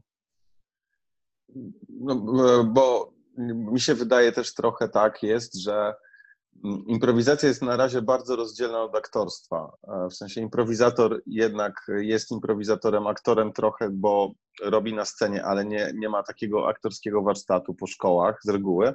A aktor z kolei e, może wymyślać na scenie, ale improwizacja jest dość złożoną dziedziną technicznie i też trzeba się jej pouczyć. To nie jest tak, jak się większości osób wydaje, że wyjdę na scenę i będę wymyślał, to ja improwizuję. No, no. Nie do końca. I moim zdaniem ta improwizacja dramatyczna, ona jest gdzieś na styku, czego w ogóle po prostu nie ma jeszcze takich osób, albo ja nie znam, które by miały mega warsztat z obu dyscyplin, improwizacyjny i aktorski, żeby to, co zagrają dramatycznego, było wiarygodne, tak bardzo wiarygodne i wciągające na życie, że Mhm. niestety często dramat w improwizacji polega na braku komedii i to jest zupełnie niechcące. Mhm. W sensie jest taka nie, niezabawna. Zgadzam się z tym absolutnie. W sensie y, też nie znam y, i też wydaje mi się, że to jest zupełnie inny pokład skilli. Tak, tak mi się wydaje. Masz rację, Łukasz. To ja, ja, Super, ja kończę, mówisz. dziękuję. Artur się zgodził, to jest takie miłe. Chcieliśmy zakończyć właśnie twoją zgodą. E, Artur, a ty pamię- e, w którym roku ty zaczynałeś w ogóle przygodę? Bo mówiłeś, o kab- że z kabaretami zacząłeś Mhm. swoją przygodę komediową. W ogóle ze sceną przygodę pierwszą taką zacząłem na studiach w 2006 roku, gdzie właśnie takie były, że tak powiem, y, uniwersyteckie kabarety albo spektakle kabaretowe, można to bardziej powiedzieć. I tam już zaczynałem, em, dosyć sporo się udzielałem z tym. Natomiast y, później taki skok dopiero był w 2008 roku, kiedy faktycznie y, działałem w kabarecie i wtedy też założyłem pierwszą grupę impro we Wrocławiu. 2008? 2008 to było tak. To jest ciekawe, bo o, ostatnio rozmawialiśmy z Alanem Pakoszem Mhm. i on podał też 2008 rok. Jakieś spłynęło, e, bo ja, się, ja mówiłem zupełnie poważnie, że w paru miejscach w Polsce niezależnie w podobnym Mhm. czasie e, powstała, znaczy nie powstała, tylko powstała bardziej zajawka, no bo improwizacja istniała. Mhm. E, Imp, zajawka improwizacją. Wynaleziono improwizację Tak, wynaleziono improwizację. i i- opatentowano. Bo w Warszawie to było też w zbliżonym okresie. Chyba I w trochę Trójmieście, jeszcze jak- w Warszawie, jak się nie mylę. W 2006 chyba i, i Termos też mówił jakoś tak, ale to Tak. wiesz, to, to, to, to ciągle to nie jest 5 lat różnicy, tylko Jasne, zupełnie niezależnie. jasne, jasne. E, No i ty byłeś, jeśli jesteś motorem e, improwizacji teatralnej w Wrocławiu. Dobrze mówię? Y, Bo- chyba- Nazwiesz się motorem? Jesteś motorem, Artur? No, tak, znaczy no, motorem całej improwizacji wrocławskiej na pewno nie. Natomiast y, poprzez to, że, że prowadzimy warsztaty w Akademii Improwizacji poprzez to, że dużo gdzieś tam em, potworzyłem swojego czasu, y, to, to myślę, że gdzieś tam mam odciśniętą dużą stopę na piętnie wrocławskiej improwizacji. Ale, ale całego terenu absolutnie sobie nie zagrabiam. No wiadomo, ale e, ty byłeś jedną z absolutnie pierwszych osób we We Wrocławiu. Wrocławiu jako pierwsze zrobiłem To było zajebiste, jakbyś teraz Artur właśnie tak powiedział. Tak, tak, to ja. Ja stworzyłem improwizację. Tak, nie wszystko we jest moje. Wrocławiu, ale też w Generalnie Polsce. nikt nie robi niczego, czego ja nie chcę we Wrocławiu. Ja muszę wszystko We- podpisać. We Wrocławiu są e, legitymacje improwizatora i wystawia je Artur. Ja je wystawiam. Za każdym razem pobieram tysiąc złotych. No, e, nie wiem, czy, czy wiecie na przykład, Koncesja. że Polska Wytwórnia Papierów Wartościowych, PWPW, e, wystawia na przykład legitymacje, e, są książęce, księża kościelni mają Wow. legitymacje, Wiedziałem. szachiści mają legitymację, ja mam legitymację szachisty, moi drodzy, No wow. więc Masz, są masz różne na to rzeczy na jakieś uprawnienia, Łukasz? Masz na to? Mogę że cię na przykład po prostu Możesz wolniej reagować, bo mówi się o, o refleksie szachisty, więc nie wiem, jak Tak. dresy na przykład cię napadną, to pokazujesz legitymację i masz, wiesz, więcej czasu na unik na przykład przed ciosem. No, swego czasu grałem bardzo mocno e, w, w szachy. Kurnik.pl, kojarzycie taką platformę? Tak, To, to Artur wynalazł też, tak? tak. We. Wrocławiu. Właśnie, Artur, czekałem ostatnio długo, aż mi zresetujesz hasło. To No i proszę trwało. bardzo. I Jest. E, Mam około 20 tysięcy partii szachowych rozegranych. O fuck, to jest bardzo dużo. To jest e, bardzo, bardzo dużo, bardzo, bardzo. E, Więc nie, nie, nie chwalę się tym, jakoś mówię o, o tym, że Nie chwalę się tym, ale to jest w A chuj ile masz wygranych? Du, dużo, jakoś sobie radziłem. Okej. Tak około 50% mm, udawało się wygrać, bo swego czasu bardzo poważnie do tego podszedłem. To były książki. Miałem taki e, półtora roku swojego życia, kiedy pisałem pracę magisterską, e, który nie pisałem oczywiście jej, tylko e, formalnie ją pisałem. E, grałem wtedy w kosza powiedzmy zawodowo i miałem treningi rano wieczorem przez cały rok i pomiędzy tymi treningami około 8 godzin dziennie, codziennie grałem w szachy. i czytałem o szachach. Okej. Porąbane. No, Byłeś już w było, kółko w swoim mieszkaniu? Chodzę w kółko i już... Nie, on chodzi w Elkę, bo jest koniem teraz, wiesz. No, chodzę, chodzę w kółko. Przypomina sobie. pomaga. E, Zaczekajcie, z, nie będę wyłączał dźwięku. Otworzę sobie piwo, pozwolicie. Dobrze. O. Nie Robię to po raz dźwięku, ja pierwszy, cię żeby słyszałem. nie było. Słucham? Nie wyłączyłeś dźwięku, ja cię słyszałem. No właśnie mówię, że nie wyłączę. A, okej. To- okej, okej. A, tak. no, no. To dobrze, że powiedziałeś, że nie włączasz dźwięku, bo byśmy nie wiedzieli i byśmy nie To prawda, słyszeli. To prawda.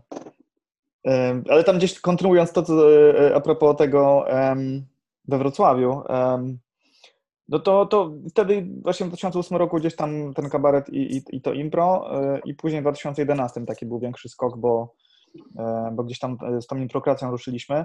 Natomiast mówiłeś też, Łukasz, o tym 2008 roku jako taki gdzieś tam boom. Wydaje mi się, że ten boom nastąpił wtedy, bo e, zaczął się u nas w Polsce popularyzować ten program Whose Line Is It Anyway? I sporo osób zaczęło to oglądać i wydaje mi się, że ta zajawka nastąpiła w dosyć podobnym czasie. I, I to jest spoko. Natomiast wtedy naprawdę, przynajmniej ja, ale wydaje mi się, że też w Polsce głównie, byliśmy w trochę takiej dupie improwizacyjnej. W sensie, my na przykład y, robiąc w 2008 roku, zakładając tą grupę e, pierwszą, to nie była improkracja, y, to y, nic nie mieliśmy. Mieliśmy tylko w zasadzie ten, ten program Whose Line Is It Anyway? Jedną książkę ze wstępem Globisza.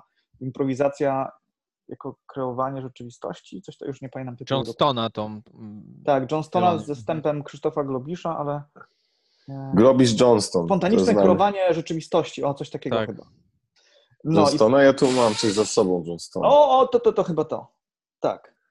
I, yy, I pamiętam, że to mieliśmy, natomiast yy, to też było dopiero było później. A jak później się do, zaczęliśmy dowiadywać, że, że można to ćwiczyć i że są książki i że w ogóle że to jest technika, że to jest opisane i że można się tego nauczyć, dla nas to było w ogóle totalny rozpierdol głowy, że w ogóle i- jak to możliwe. Teraz jest, teraz generalnie młodzi, którzy chcą zacząć, yy, młodzi stażem, zacząć się uczyć, to mają o wiele, wiele łatwiej, bo mają już gotowe szkoły improwizacyjne, które mają przygotowany program. To wszystko jest takie obmyślane i to działa. A myśmy robili to przez wiele lat po prostu po omacku yy, i, i, i często z dupy, i często wchodząc w jakieś ślepe załuki. Ale koniec końców yy, to na przykład, że zajmowałem się inną komedią, właśnie kabaretem. Wydaje mi się, że gdzieś tam wiele rzeczy podobnych już wcześniej też, yy, że tak powiem, posiadłem yy, i mogłem to później wykorzystać w improwizacji na pewno. No, ja- bardzo, bardzo to szanuję, że wy tak odkrywaliście, bo mo, moja historia jest taka w sumie, że ja w 2009 roku wpadło mi Whose Line, oglądałem to 9-10, nic z tym nie robiłem poza oglądaniem. No to jest mm, e, w- zu, zupełnie dopiero 2014 chyba 15 coś zacząłem robić. Wtedy e, moje spostrzeżenie jest takie, że ja w ciągu roku mogłem, e, miałem ten przywilej zrobić tyle, ile przez na początku pewnie robiło się 2-3 lata, bo ja miałem do dyspozycji wiedzę osób, które już to przeszły, między innymi Mhm. twoją, e, plus e, książki, które były sprawdzone i na podorędziu, wystarczyło Mhm. na Amazonie zamówić. Tak. Więc można było tę wiedzę chłonąć bardzo szybko. Oczywiście doświadczenie sceniczne nie jest do nadrobienia w jakimś takim super skrótowym tempie, Mhm. Ale e, Ale jeżeli na przykład miało- byłbyś na scenie non-stop przez 30 dni, to myślę, że, że dałbyś radę, Łukasz. No to jest do, prze- do przełożenia skali 1 do 1, Igor, to naprawdę jest świetne.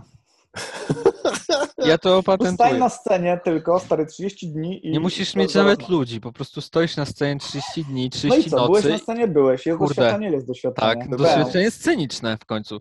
No, ja, ja miałem okres taki e, w, przez pół roku, że występowałem średnio 20 występów do 20, no 20 średnio, 20, max chyba miałem 26 występów w miesiącu. Super.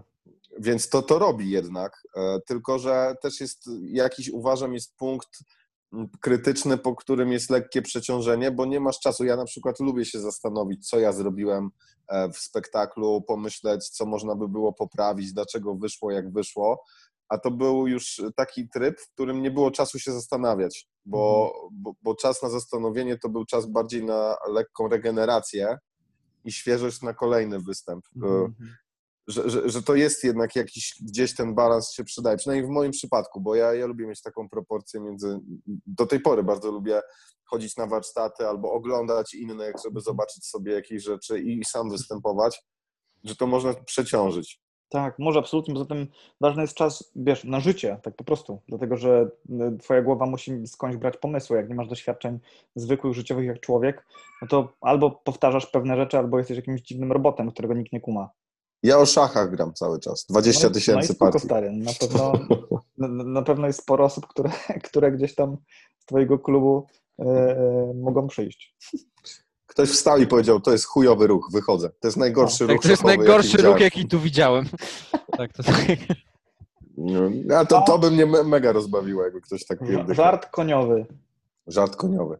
Tak. A e, powiedz, jak, e, jak ta, uczyłeś się improwizacji, to e, później, jak to szło? Miałeś tak, że nagle się okazało, o, tu są ludzie, tam ktoś robi, tu jest festiwal, można z kimś to przegadać albo podzielić się doświadczeniami, pojechać gdzieś za granicę.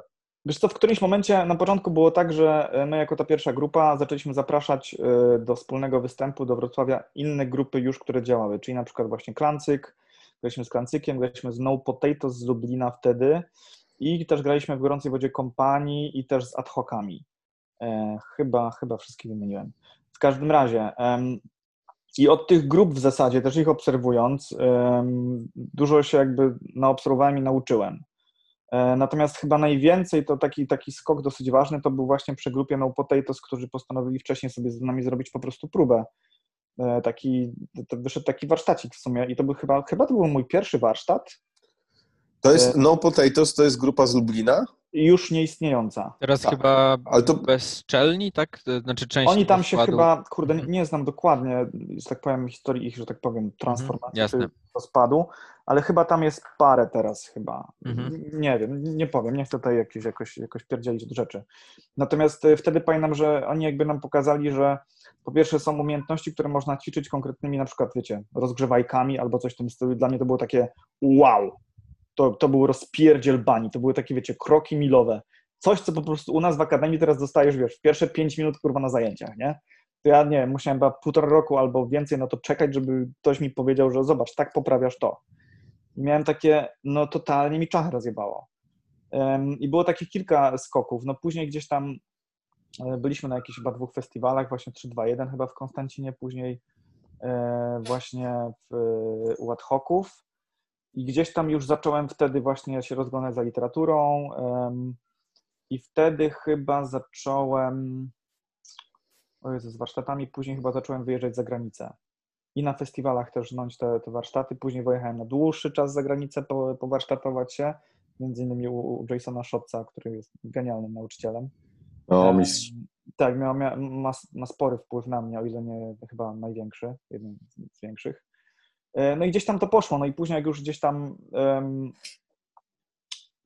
zobaczyłem, że o, chyba już trochę wiem więcej, to zrobiliśmy, e, e, założyłem tam e, razem z Dobrosławą Belą, założyliśmy to i no i tam zaczęliśmy dalej się uczyć. Wtedy już się pojawił ten Mateusz Płocha, który gdzieś tam też już wyjeżdżał, przywoził nam, nam, nam naukę, gdzieś tam nas cisnął z różnych rzeczy, gdzieś tam już każdy coś w tej komórce dokładał.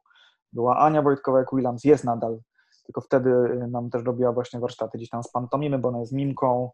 I gdzieś tam to wszystko, każdy od nas dał jakiś tam pierwiastek, tutaj osoby z kabaretu coś dały, tutaj, tutaj, to, tutaj, tam, no i tak się złożyła cała improkracja, która działa do dzisiaj, ale później, ja mam w ogóle takie założenie, że no, na rok to tak przynajmniej ze trzy razy na jakiś warsztat trzeba iść, a ja jeszcze mam takie założenie, żeby na jeden iść dla podstawowych.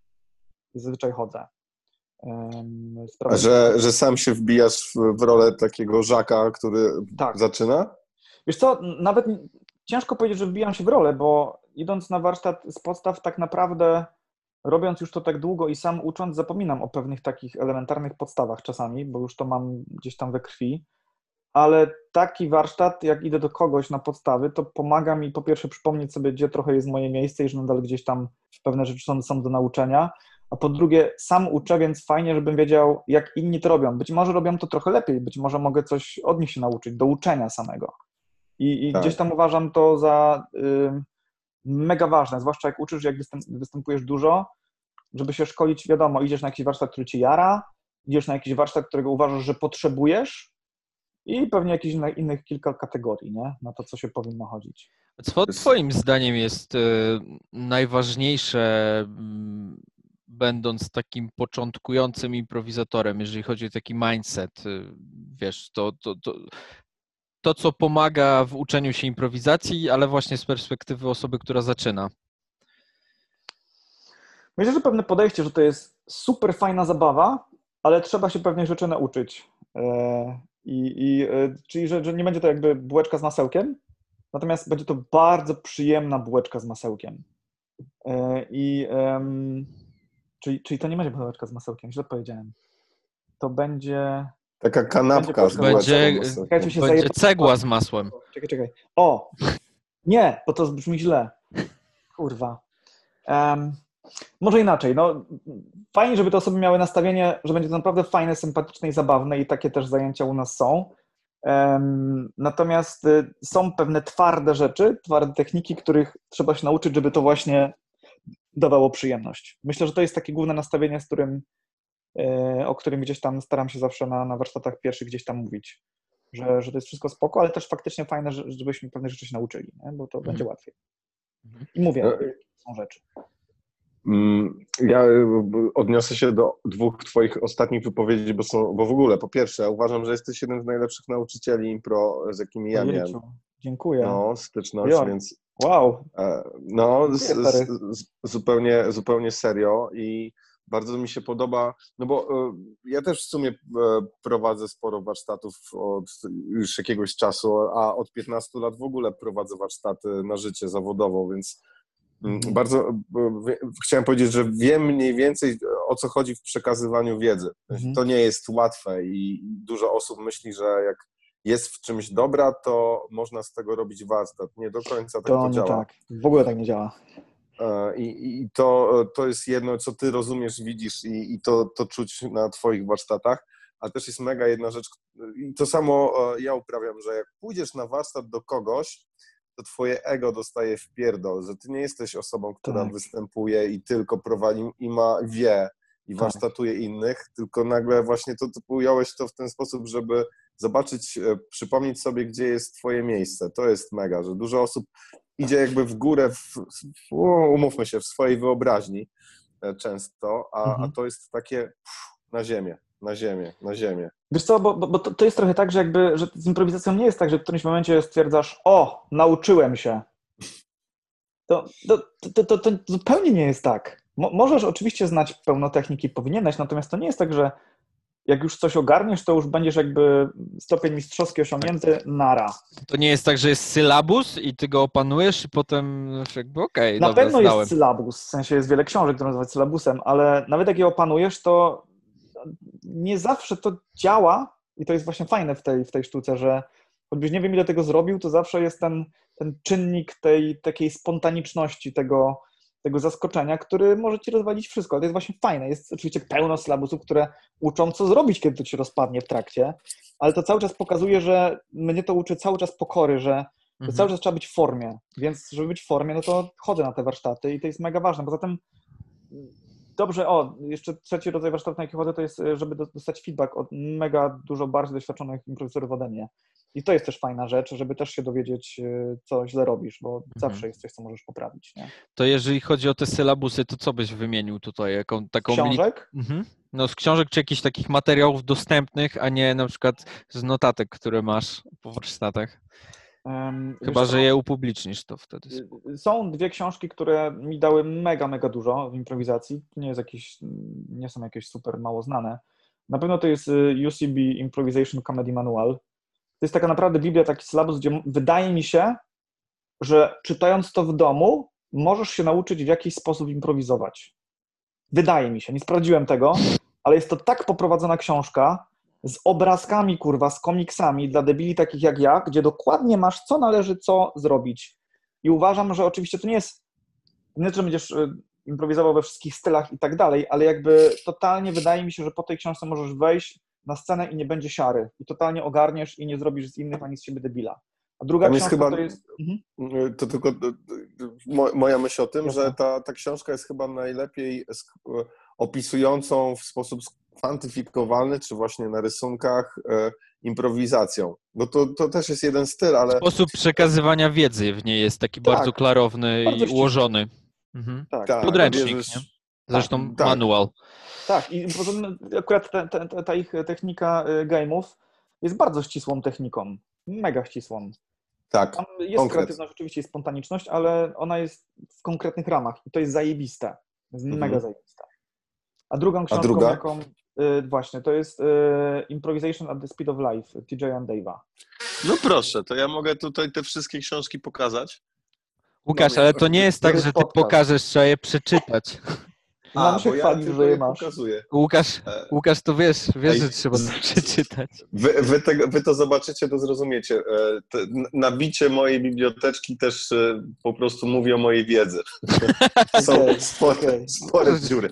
A dlaczego? Dla, y, y, dlatego ta książka, ona jest zupełnie czymś innym niż y, manual. Ona właśnie nie jest w ogóle manualem. Ona jest takim trochę wywiadem, trochę takim w zasadzie, jak dla mnie, filozoficznym podejściem do improwizacji. I o dziwo, nie ma ćwiczeń, no może pod koniec parę małych ćwiczeń jest, ale ogólnie nie ma, to nie jest jakiś tam, że ćwiczysz sobie, ale nauczyło mnie bardzo, bardzo dużo właśnie takimi, tam nawet chyba nie ma tipów, tam jest po prostu, po tej książce miałem tak, a, więc to tak robią ci zajebiści goście.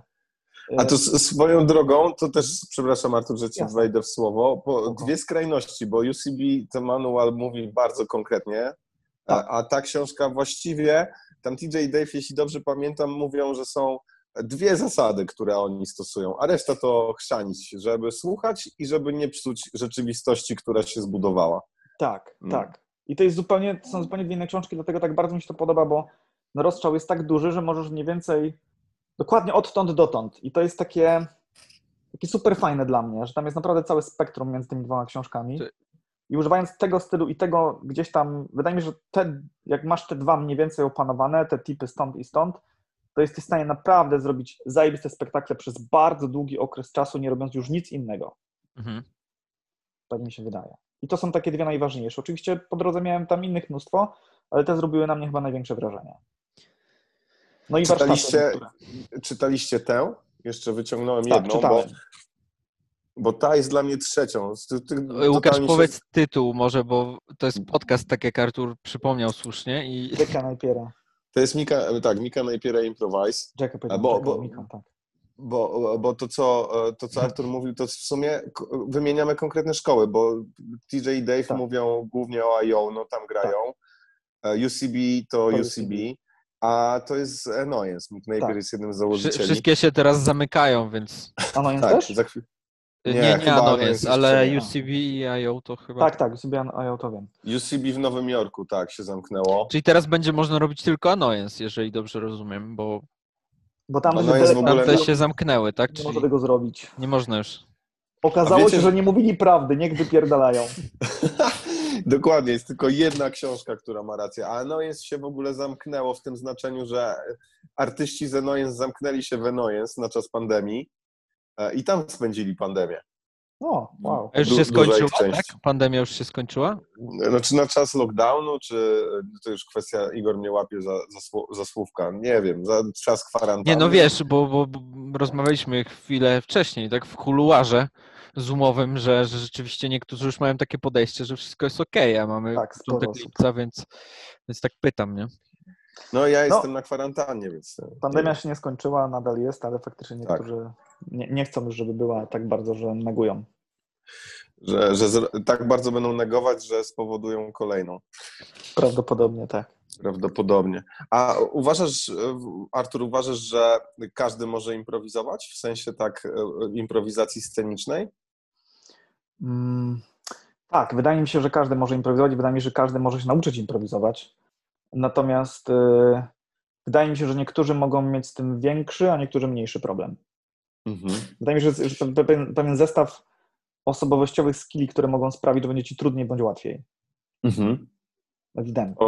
Okej, to bardzo. To Artur byłby świetnym wychowawcą na przykład z matematyki i osoby, jest grupa, która ma szóstki, jedynki. Artur mówi, każdy może umieć matematykę. No, e, ta grupa po lewej e, jeszcze ma z tym trudności, nie przechodzi do następnej klasy, ale rodzice wychodzą szczęśliwi.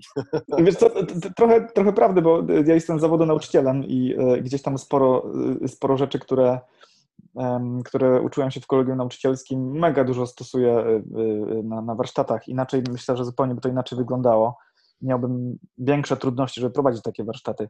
Ale naprawdę tak mi się wydaje, w sensie na przykład osoby, załóżmy, bardziej wrażliwe, empatyczne, wydaje mi się, jest taka tendencja, że szybciej przyswoją niektóre rzeczy, są lepszymi słuchaczami, lepiej reagują. Mm, osoby, które na przykład bardziej są, jakby to powiedzieć, e, bardziej dbają o siebie pod kątem takim, żeby mają deficyt być może, nie wiem, jakiś tam mm, samoakceptacji, nie wiem, tak to nazwę, e, bardziej będą cisnąć w tą stronę, żeby się je pokazać, więc będzie im automatycznie trudniej. E, mówię tu mhm. oczywiście o początkowych warsztatach, nie mówię tu w ogóle o, o osobach, które już grają, tylko na samym początku drogi. Nie? E, oczywiście nie trzeba się martwić, ponieważ i to, i to totalnie można wszystko się nauczyć i wysterować, żeby było wszystko ok. Ale sam początek dla niektórych może łatwiejszy, dla niektórych trudniejszy. To prawda. A jak ty z perspektywy patrzysz na siebie, na te lata już, które improwizujesz, to mhm. widzisz jakieś zmiany, które w tobie improwizacja zrobiła, które dostrzegasz jakby na co dzień? Nie mówię tutaj o, o tym, jaki jesteś na scenie, ale bardziej w życiu.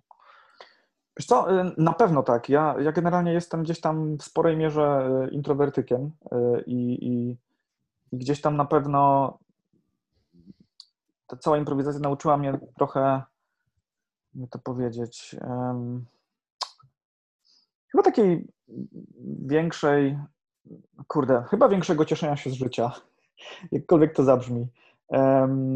Więcej dostrzegania rzeczy, więcej słuchania innych, czy innych y, światopoglądów y, i chyba bardziej takim, nie wiem, bardziej chyba lubię ludzi. I, i, i chyba tak, tak mi się wydaje. Nie znaczy, że kiedyś nie lubiłem nic z tych rzeczy. Natomiast wydaje mi się, że teraz jest po prostu to jeszcze bardziej. Mhm. No ja, ja, za każdym razem jak cię widzę, to mam cię ochotę przytulić po prostu. To no jest... i to samo, misiaczku. Yy, ojejku, kochany ty jesteś. To jest private room teraz. tak. To jest A... zupełnie, wiesz, na luzaczku. No, no, totalnie. A miałeś tak trochę, to pytanie stwikuję, miałeś tak, że na scenie na początku było jakoś średnio? Jak się różni Artur, którego my teraz widzimy od Artura, mhm. improwizatora, jak zaczynał? Jak ja zaczynałem, to ja miałem bardzo dużo naleciałości z kabaretu. W związku z tym wykorzystywałem pewne, tak, pewne rzeczy, które się sprawdzały w tej innej komedii i, i przekładałem je tutaj. Część rzeczy się zupełnie nie sprawdziło, część rzeczy się trochę sprawdziło.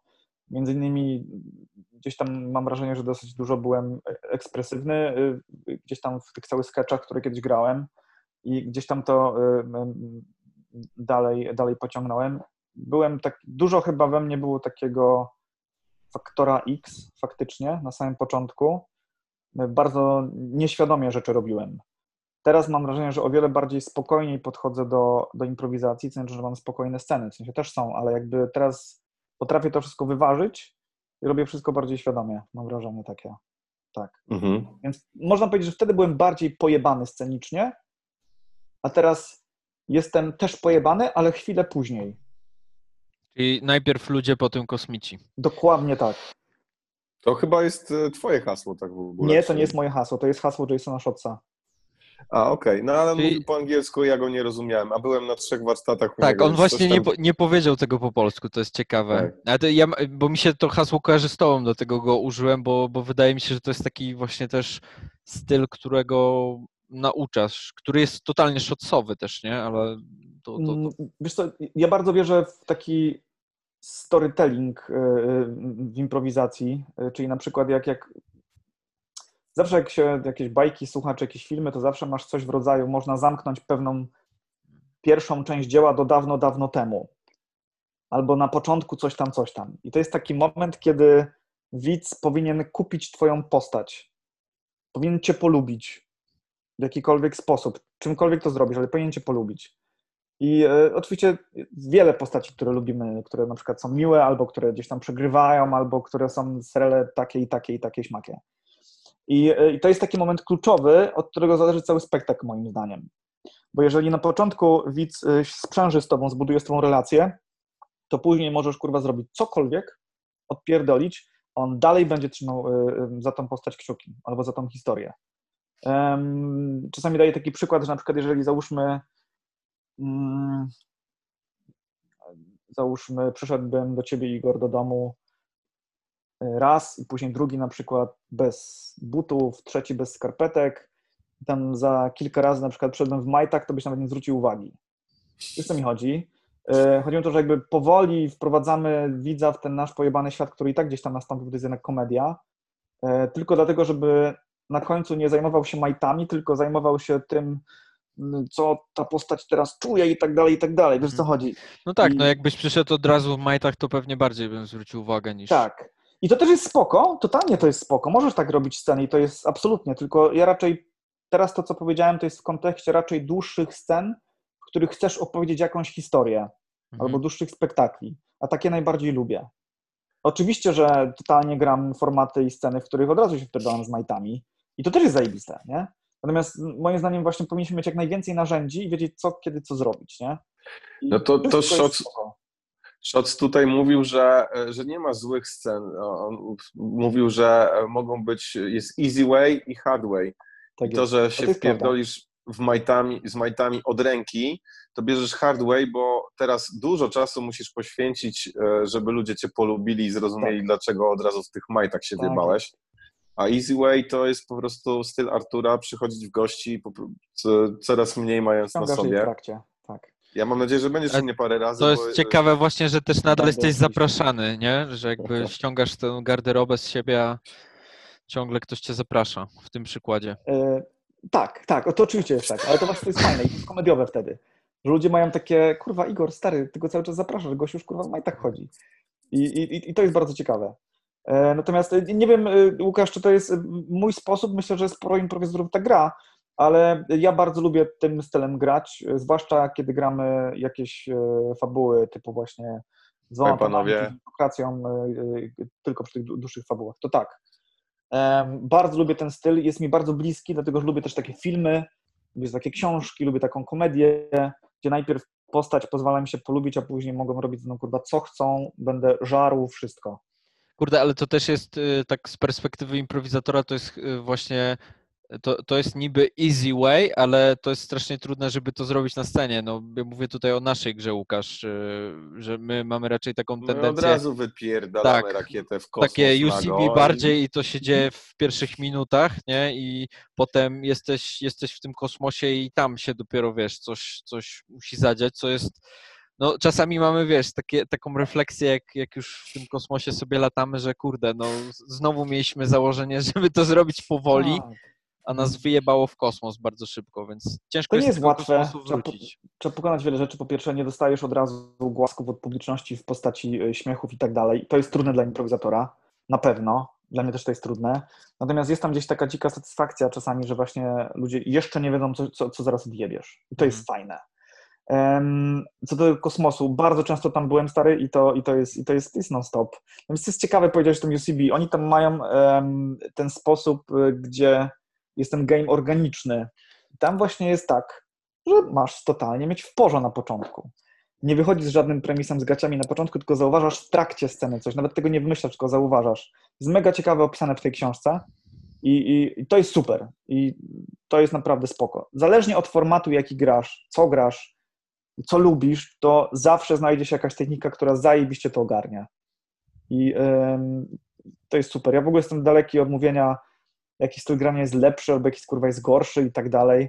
Wszystko zależy, co chcesz robić i co chcesz zagrać i tyle. Wszystko jest spoko. Tak, bo, bo też e, na przykład e, uważam, że każdy z nas osobowościowo ma pewne inklinacje do jakiejś Mhm, gry. Niektórzy grają, to jest taki znany dość podział jest na głowę, serce i faktor X, Mhm. o czym trochę już mówiliśmy, bo ty mówiłeś, że jesteś, że byłeś tym faktorem X. Większą Mm. ilością procent, tak. Tak, to i to, to faktycznie jest tak, no bo jeżeli ktoś na życie jest emocjonalny bardzo, to jemu łatwiej grać relacyjne, emocjonalne rzeczy i często zauważam, że takie osoby, e, które biorą na, na serce, mniej na rozum rzeczy, nie mówię, że na głupio, tylko po Mhm, prostu jasne. bardziej relacyjnie, emocjonalnie reagują, to e, nie dostrzegają szybko albo mają z tym problem e, gry w scenie, a intelektualne osoby bardzo szybko widzą grę w scenie, co my mamy e, bardzo często z Igorem, że my nieraz wyprzedzamy publiczność o pół minuty, minutę w scenie, bo my wiemy, jaka jest ta gra i ją sobie cedzimy, co jest fajne komediowo, Tak. e, ale na przykład mniej relacyjnie wtedy grasz, no bo to też UCB mówi, przychodzi gość do dentysty, dentysta mówi, że ma pan plombę z diamentu, a ty myślisz, ok, następny ząb to będzie ze złota i tak dalej. I lecisz w coś, co jest logiczną strukturą, konsekwencją tego, co się znalazło, Mhm. a niekoniecznie ten dentysta z, z pacjentem są najlepszymi przyjaciółmi i siebie uwielbiają, bo na drugim planie może być wtedy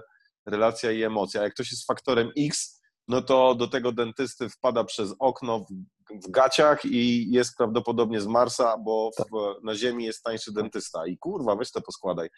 To wszystkiego jest potrzeba dla równowagi po absolutnie. trochu. No. Absolutnie. I to właśnie klucz jest, że po pierwsze mieć te wszystkie trzy faktory w sobie, faktory, elementy i po prostu wyciągać te, które są akurat w tym momencie bardzo potrzebne scenie. Nie? Ja się zgadzam z tą, że relacje są strasznie ważne. Game też jest strasznie ważny, ale myślę, chyba gdybym miał strzelać, to najpierw bym dał tą relację jednak. Czy niech se chwilę popierdolą u tego dentysty, niech się dadzą polubić i dopiero niech zajeżdżą mu w papę i tak dalej, i tak dalej. Tak, no bo to, to Łatwiej angażuje. W, widzowi też ma zależeć, a łatwiej się gra, bo się przebywa na scenie z czymś, co jest zaangażowane. Tak, to A prawda. też myślę, myślę, że to jest trochę taka pokusa na początku, jak, jak zaczynasz improwizację, czy też pokusa, która powraca później, czyli to, o czym tu Artur mówisz, czyli te głaski, które na ogół e, my na scenie traktujemy jako to, to, że się ktoś śmieje, to jest dla nas głask. A To nie znaczy, myślimy, że dobrze robisz robotę, Tak, super, a jedziesz nie dalej. myślimy o tym, że tam mogą być jeszcze inne emocje poza śmiechem, to, to pa- pamiętam na jednym z warsztatów z Aśką Pawluśkiewicz, e, to Mhm. ona mówiła, że to jest, śmiech to jest tylko jedna z możliwych reakcji, tak? Ten Tak. może Oczywiście. być zaangażowany, a może się zupełnie nie śmiać, może wiesz, po prostu oglądać spektakl z po prostu otwartymi ustami, bo się dzieją jakieś takie grube rzeczy, które też czasami mu coś pozwalają odkryć, tak? Y, Bo, bo to jest tak, że jakby ten, ten śmiech jest czymś, co usłyszysz i słyszysz tą reakcję. Tak. Na przykład nie słyszysz, jak ktoś jest zainteresowany, no bo nikt nie wstaje na publiczności i nie mówi, jestem bardzo zainteresowany tą sceną teraz, panie Igor, proszę tak dalej. Tak. Nikt tego nie robi. Siedzi gość cicho i go, czy gościuwa i po prostu patrzą i słuchają i to jest mega spoko. Tak, i myślisz, że, że spektakl się nie podoba, e, a potem słyszysz po spektaklu, że to było fajne, nie? Że jakby mi się to podobało i masz takie, kurde, jak to? Przecież nikt się nie śmiał, nie? Ja jestem w ogóle zwolennikiem tego, żeby zbytnio nie zwracać uwagi na publiczność, jakkolwiek to niefajnie brzmi. Chodzi mi o to, że po prostu, żeby się nie uzależniać od ich reakcji. Czyli wiesz, co masz robić, robisz swoją robotę i masz nadzieję, że to zadziała. Mhm. Bo jeśli na przykład będziesz się sugerował tylko głaskami publiczności, to niekoniecznie będzie miało to sens. Bo nagle No. odkryjesz, że śmieszy ich jakaś du- duperelasta pierdoła, którą nie możesz ciągnąć przez godzinę. No i się Em, zrobi taki kabaret y, bardzo zrobi się kabaret niefajny. niefajny, nie? bardzo stereotypowy i tak dalej. Więc, y, więc tutaj raczej wydaje mi się, że my powinniśmy, to, to, to ludzie przychodzą na nas, my wiemy co robić i po prostu niech się wygodnie rozsiądą, niech się bawią. Poprzez nasze doświadczenie wiemy jakby co ich będzie bawić, albo mamy nadzieję, że będzie, bo wiemy to może dużo powiedziane. No i mamy nadzieję, że to wyjdzie. No też ś- do, do, do, dość, wydaje mi się, mogą być głębokie e, tematy dalej świadomościowe, bo jak komuś łatwo przychodzi rozśmieszanie ludzi i idzie w to, to idąc za śmiechem możesz się w sumie nie dowiedzieć nigdy, co tak naprawdę samemu chce się dać na tej scenie, bo to, to trochę łatwiejsza ścieżka. Mówię o kimś, kto ma super dryg komediowy, E, a versus trudniejsza droga często zbudowanie swojego, nie swo, jak to nazwać ładnie, nie chodzi mi o pozycję, nie chodzi mi o swojego jakiegoś obszaru w komedii, którym ja się poruszam, który chcę tworzyć, którym chcę coś przekazywać, który na początku niekoniecznie jest zabawny. W sensie, w- przykład taki, jest TJ i Dave, którzy mm, nie grają uber śmiesznie. To nie jest tak, że boki się zrywa, jak to się ogląda. Gdyby oni się przejmowali tym, że nie, nie mają śmiechów takich fest, mogliby nigdy nie, nie robić takiego dobra, które przez lata serwowali na scenie. W sensie to, bo to, bo to jest takie, że dość łatwo mieć wątpliwości i myśleć, okej, to chyba nie jest takie dobre, to chyba nie jest fajne, Mhm. może coś innego, że trzeba mieć dość dużo cierpliwości, nawet nie chodzi o pewność siebie, chociaż jest przydatna, ale taki, taka wytrwałość, że to, co się robi teraz, to w końcu zaowocuje, że robię coś w zgodzie ze Mhm. sobą. I, i w końcu to będzie to, co, co ludziom się spodoba. Też mam takie wrażenie, że y, dość dużo rzeczy serwowanych komediowo teraz to są rzeczy, które niekoniecznie artyści, którzy nawet je robią, uznają za swoje, tylko wiedzą, że to się skomercjalizuje, Tak. że to szybko trafi na podatny grunt y, wśród publiczności. Tak, tak. Znów się zgadzam. A masz wrażenie, Artur, że, że- że, to jest e, taka troszkę też no, jakaś forma scenicznego egoizmu, bo takie gonienie za tym takim łatwym śmiechem, poklaskiem, że jednak y, my jako improwizatorzy y, powinniśmy oczekiwać od samych siebie trochę więcej i wymagać, czyli właśnie zrzucenia tego, wiesz, y, gonienia za śmiechem, ale ja wiem, co robię, ja wiem, że to doprowadzi do jakiegoś efektu. Śmiech tam będzie, ale to będzie skutek uboczny, a nie Mhm. jakby cel sam w sobie. Takie może Wiesz co, idealistyczne podejście, ale Kurde, to jest, to, to jest ciekawe, co mówisz. Ja generalnie traktuję komedię bardzo, bardzo poważnie, e, jakkolwiek to brzmi. I wydaje mi się, że e, improwizacja może wydobyć e, takie fajniejsze śmiechy niż tylko takie easy laughsy, ła- ła- łatwe śmiechy, małe takie sraczki. One jakby nie neguję, że tak nie wolno robić, ni- nic z tych rzeczy, natomiast myślę, że to jest decyzja y, każdego z osobna. Czy ty wychodzisz, Igor, na przykład na scenę i po prostu wiesz, że jak pierdniesz, to się 70% publiczności zaśmieje i robisz to, i robisz to często. I to też jest pewien występ. I w ogóle totalnie okej. nie? Ludzie przy, przyjdą na to i pewnie będziesz, znajdziesz swoją publiczność. Nie? będę miał program w telewizji pewnie. No, stary, już. E, Natomiast wydaje mi się, że mamy takie narzędzie z tą improwizacją, że naprawdę możemy o wiele więcej przekazać. Możemy przekazać, że ludzie się śmiali na przykład e, z o wiele lepszych rzeczy, typu na przykład faktycznie wady ludzkie albo jakieś sytuacje e, bardzo ciekawe, bardzo zabawne, być może niezręczne, tak jak moje ulubione. Być może to, w jaki sposób postacie się poznają albo zabierają relacje. Jest mnóstwo, mnóstwo fajnych rzeczy, które improwizacja pozwala zrobić. Pozwala zrobić też y, pierdnięcia, ale no to jest tak jakbyś, kurde, jakby to powiedzieć. Y, To jest takie, wiesz, jakbyś mówił muzyka, nie? I muzyka to, to, to, to disco polo, nie? No, no nie, muzyka to jest też jakby cała improwizacja, ale są różne gatunki, załóżmy, nie? Tak, muzyka to Różne jest super sposoby na- klasa jakaś taka. I Co, jeszcze raz? y, Muzyka to jest jakby taka, wiesz, kategoria nadrzędna i Tak. ma po, Tak. pod, pod tym jakieś tam pod, podklasy i tak dalej. Tak samo jak komedia jest nadrzędną, nie? Masz kabarety, Mhm. które, śmie, które śmieją się e, z jakichś e, blackface'ów, ze stereotypów, z tego, że facet za babę się przebierze, srele duperele. Jasne, jest taka publiczność, która z tego się śmieje, ale to nie znaczy, że ty musisz to robić, bo ludzie z tego śmieją. Jest, Poza tym improwizacja pozwala ci odkryć, wiesz, tak naprawdę swoje rejony, tak jak któryś z was To- powiedział, Mhm. i, i- i bawić się, odkryć jakieś odkryć. Przekazać swoją komedię. To też jest, kurde, taka forma, bo y, to, o czym mówisz, to, to ja bardzo mocno zapamiętałem akurat z y, tej książki Improvisation at the Speed of Life, Mm. czyli to takie sacrum profanum, tak, że, Mhm. że oni mają takie, TJ Dave mają takie podejście do sceny, że to jest właśnie ta sfera sacrum, że Mhm. jak wchodzisz na scenę, to trochę i do tej sceny musisz inaczej podchodzić, tak, jak sceny jako po prostu fizycznej pewnej przestrzeni, na której ty występujesz. I ja mam e, wrażenie, że też różne podejścia sam dla siebie testowałem, że takie podejście trochę terapeutyczne, czyli e, żeby w tych scenach było coś ze mnie, tak, nie 100%, ale jakiś, nie wiem, e, wezmę sobie, przepracuję jakiś Igor, temat Dużo swój, tak, płacze w naszych scenach.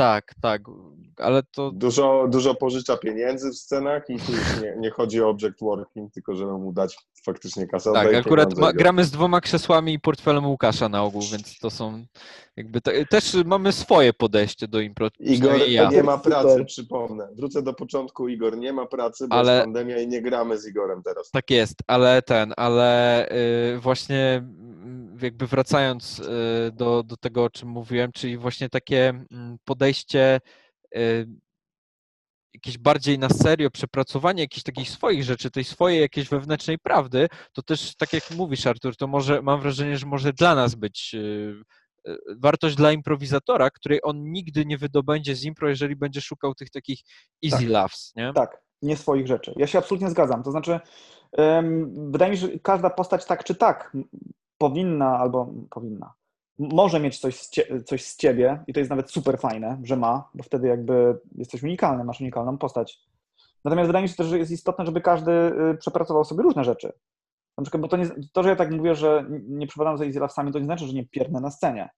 Zdarza się Nie tak. no, raczej. I- Na- n- n- Natomiast, natomiast y, używam takich rzeczy często, załóżmy, jakby no, dam mnie jakiś przykład. Załóżmy, jakby była jakaś scena poważna, załóżmy u lekarza i na przykład okazuje się, że mam jakąś śmiertelną chorobę, no to na przykład wtedy warto pierdnąć. I na przykład przeprosić za to pierdzenie. I wtedy lekarz na przykład powie, no to był na przykład bardzo śmierdzący bąk, przykładowo. Wtedy chwilę, bo przed chwilą dowiedzieliśmy się o tym, że gość umrze i wiecie, jest takie naprawdę, kurwa, ciężkie gówno. I teraz fajnie, gramy komedię, więc fajnie by było, żebyśmy z tego szamba dali publiczności drabinę, po której się wespną i znowu wyjdą na powierzchnię. To jest na przykład ten pierd. E, oczywiście to jest przykład. E, ale później znowu Znaczy, to nie jest czegoś jedyna możliwość, tak, Artur? lecieć w tą stronę. Tak, to nie jest To jest- jedyna możliwość, absolutnie. Chodzi mi o to, żeby mieć świadomość, co kiedy można fajnie użyć i wtedy to nie będzie scena zupełnie o pierdzie. Ludzie nie wyjdą, czy była ta scena, no no, gość pierdział. Nie, nie, nie, to będzie o gościu, który faktycznie umrze. Natomiast było to podane w stosunkowo lekki, zdystansowany sposób poprzez ten pierd. Wiem, że ten przykład jest też, kurwa, straszny, natomiast mam nadzieję, że rozumiecie, o co mi chodzi. Myślę, że on będzie kiedyś w podręcznikach, Artur. Kurwa, ewidentnie. Po prostu chodzi o to, że wachlarz komedii jest tak szeroki, tylko fajnie, żebyśmy Czy świadomie... to jest ta, ta niezręczność też, o której ty, ty powiedziałeś Tak, gdzieś na początku, tak, ta tak, The Office taka trochę. że takie kurwa głupoty opowiadam, nie? Ale tak, o to Czy, chodzi. czytaliście e, książkę, a propos ciągle książek, Hidden of Com- Kurwa, Comedy? stoisz koło tej biblioteczki i cały czas... Łukasz tak co chwilę bierze, przegląda i się do rozmowy. Nie słucha, tylko sobie... Tak, A książkę taką, a widziałeś ten? Te, tę książkę akurat pożyczyłem Marcinowi Pawlinie i pewnie jak za miesiąc będziemy publikować ten odcinek, to jebany znowu będzie miał tę książkę, bo mają od półtora roku. Marcin, oddaj książkę. Hidden Tak. Tools of Comedy. Czytaliście coś takiego? Jeszcze raz? Hidden e, Tools of Comedy. Wiesz, Nie, ja chyba tylko mam na półce. Ja ale tylko mam tak, na chyba półce. też mam na półce i chyba nie przeczytałem. Też mam taką półkę jak Łukasza, tylko nie jest za mną. To, to uważam, że ogólnie do komedii Tu- e, to jest odpowiednik. Uważam, że Dobrze. powinniście. Igor, wycisz się, dobrze zrobiłeś przez chwilę. E, To, Łuka- to jest. Łukasz, jest- e, kursy do kuchni po kolejne browary już zaraz zacznie, no, po prostu. Dobra, ja się wyciszam.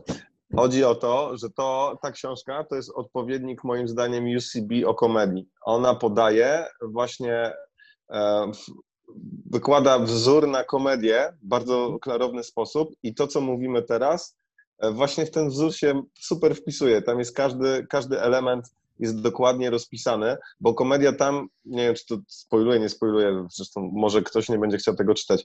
Tam jest powiedziane, że komedia to jest e, opowieść o zwykłym bohaterze, to jest ważne, że jest zwykły, e, który zmaga się z piętrzącymi się przeciwnościami losu. Ważne, że to są przeciwności, które się piętrzą. I e, mimo tego, że ma małe szanse, to ciągle trwa i się nie poddaje. To jest trochę jak mówiliśmy ten przykład o gościu, co tam podrywał i tak dalej.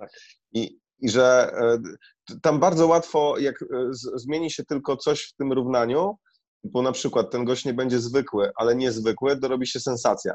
Mamy albo science fiction, mamy Supermana czy Chucka Norrisa, który nic mu nie jest, jest kuloodporny, lata, etc. Jak się nie piętrzą te przeciwności losu, to mamy stagnację, więc to jest takie po prostu są, są obyczaj. A jak się zacznie poddawać, to wchodzi dramat, a nie jesteśmy w, w komedii. I tam jest rozpisany każdy element tego zdania opisującego komedię i równania. Polecam w ogóle, bo naprawdę tam jest wszystko to, e, co bardzo mnie ciekawi, że ty, Artur, o tym e, mówisz i widziałem cię wielokrotnie na scenie, zawsze to grasz właściwie. Bardzo w, być może intuicyjnie, że to jest takie znakomite, że to jest ten balans, że wiesz, że jak to twój No przykład. intuicyjnie, cytuję, bo- bo umiera, nie to czytał tego. pierdnąć. Tak, ale być może to jest Artura, bo, bo Artur, te, właśnie to też y, zataczam krąg wobec tego pytania e, kiedyś, kiedyś z tej rozmowy, że ty Artur sporo się musiałeś nauczyć, przekminić, zobaczyć samemu, nie? Więc e, Tak. masz olbrzymią wiedzę zdobytą z, z własnych doświadczeń, która na przykład, o której ja gdzieś mogłem przeczytać albo dowiedzieć się od ciebie. Więc to, to jest to takie e, imponujące. No, polecam tę książkę w każdym razie. Inną. coś, jeszcze, coś jeszcze chciałbyś polecić? E, tak, e, co chcecie? Chcecie żeglować? To tutaj jest o żeglarstwie. Dobra, nie patrzcie to. Chciałem komplement Arturowi powiedzieć. no, Dziękuję, to jest tam. bardzo miłe. Kolejny dzisiaj. Bo, bo co tam, kocham typa. mnie. Mm, A, a, o, dobra, konkretne pytanie, które mnie bardzo ciekawi. E, Czy uważasz, Artur, że jak w- zależności od tego, z kim wchodzisz na scenę, e, to jesteś lepszym lub e, jeszcze lepszym, żeby nie mówić lepszym, gorszym, lepszym lub e, jeszcze lepszym improwizatorem? Oczywiście, że tak. A z kim, z kim kogo uważasz za słabego improwizatora? Polskiej najpierw- sceny, z Wrocławia. Najpierw odpowiem y, na, na, na to, na to co, co Łukasz mówił. Y, To jest trochę tak, że jak wchodzisz ze sprawnym improwizatorem, który na przykład po prostu będzie cię słuchał i reagował na ciebie i cię wspierał, to automatycznie jesteś, jesteś 100 razy lepszy. Po prostu. E, Najzwyczajniej w świecie. Jeżeli na przykład y, ja wejdę i komuś, kogoś spropsuję na początku, zrobimy dobrą scenę na początku, będziemy się słuchać, wspierać, to automatycznie scena jest lepsza. Ja wyglądam lepiej, on wygląda lepiej, jest zajebiście jeżeli wchodzi się do sceny z improwizatorem niedoświadczonym albo po prostu słabszym, początkującym, to więcej roboty trzeba będzie za tą osobę zrobić. To nie znaczy, że scena będzie chujowa. Chodzi o to po prostu, że więcej leży wtedy na mnie. I to też jest ok i polecam takie sytuacje, em, bo to też jakby pokazuje, ile musisz się jeszcze narobić i wykorzystać swoich rzeczy, co jest fajnym treningiem. Em, Natomiast y, wtedy jest trochę trudniej, nadal do zrobienia, ale trudniej. Teraz idąc do Twojego pytania, kogo uważam za słabego improwizatora? Z Wrocławia konkretnie, z improkracji na przykład. O kurwa, a najsłabsza Nie. osoba z impro... Ja pierdolę, ale to jest, to jest kwasowe. Oczywiście, że Mateusz Płocha. No jest tak, no tak czułem, tak to czułem, robi. tak czułem. To, to, co on robi teraz w Warszawie, to jest skandal. W ogóle Ja wiem, myśmy się go pozbyli, żeby pojechał do Was. Spierdolił miasto. Bardzo, całe. bardzo obniżył Słuchajcie, poziom w, Słuchajcie, w przez kogo jest klub teraz zamknięty? To nie koronawirus, No to Płocha. Znaczy, No, koronawirus koronawirus jest jakimś pretekstem po prostu, ale no umówmy się. Ludzie tak na wychodzą serio, Mateusz- z klubu. Tak, na serio, Mateusz Płocha jest świetnym improwizatorem, dementuje to. Uwielbiam z nim grać. y, Jest naprawdę świetnym nauczycielem, improwizatorem i, i w ogóle. Naprawdę. Bo- Mateusz- I człowiekiem Pytam- też. Tak, człowiekiem, Człowiekiem jest super. chujowym, ale improwizatorem No, jest a, zmiana zdania, dokładnie. Bo, bo, bo pytam po, pod tym kątem, że często właśnie na waszym konkretnym przykładzie, że uważam, że ty jesteś świetnym improwizatorem, Płoszka jest świetnym improwizatorem, ale dwaj panowie to jest to nie jest świetny improwizator plus świetny improwizator, tylko to jest jeszcze lepsze niż e, wa, wa, wasze jednostki tak zwy, w zwykłej że plus ta sy- jeden równa się 11, Łukasz, ja to Tak, powiem ciebie. ta synergia, e, że, że to jednak e, gdzieś tam na plus jest jeszcze chemia pomiędzy. Mhm. Dziękuję za tą laurkę, to jest bardzo miłe znowu. A Natomiast myślałem, y, że cię obrażam. Okej, Nie, źle to nie, nie, powiedziałem. nie, To ja myślę, ja myślę, że masz totalnie rację. Znaczy ja uważam, że w ogóle improwizacja to jest sztuka grupowa i, i oczywiście można grać solo, y, ale wtedy i tak, jeśli na przykład grasz mm, solo jakieś na przykład, że grasz kilka postaci, to i tak musisz wytworzyć pewną chemię między tymi postaciami, więc to i tak w pewnym sensie jest grupowe.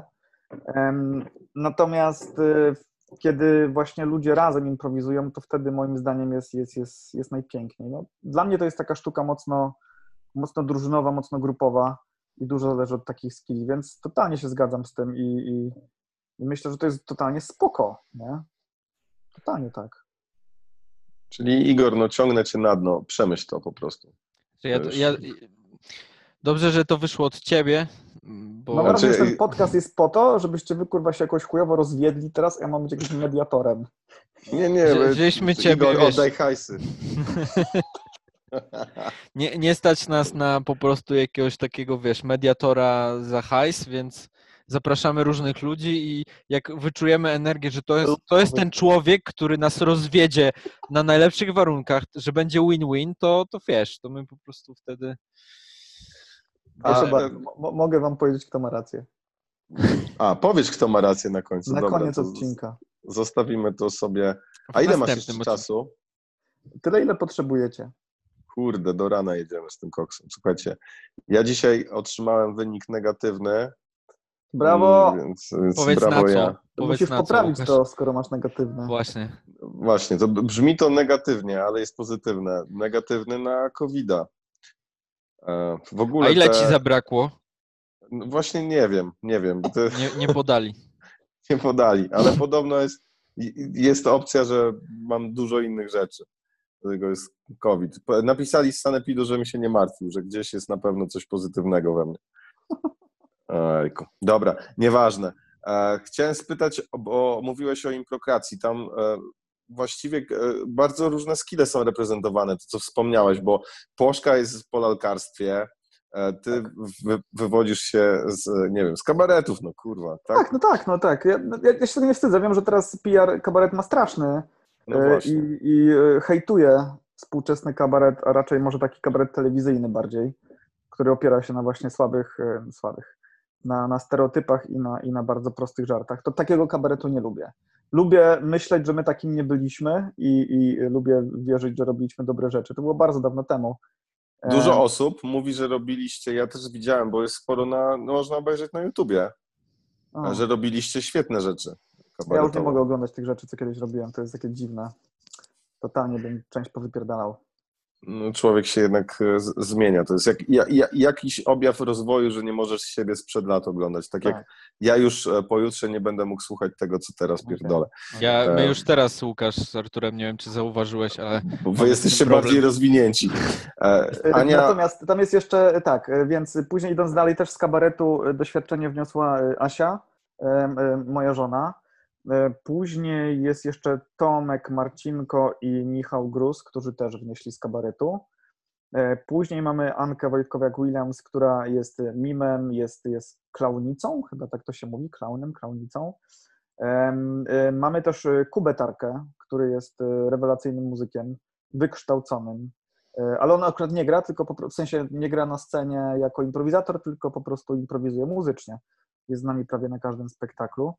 Em, tak, chyba nikogo nie pominąłem. E, Mateusz, Ania, Tomek, Michał i tak. A tak, tak, wszyscy. Obecny skład tak się przedstawia.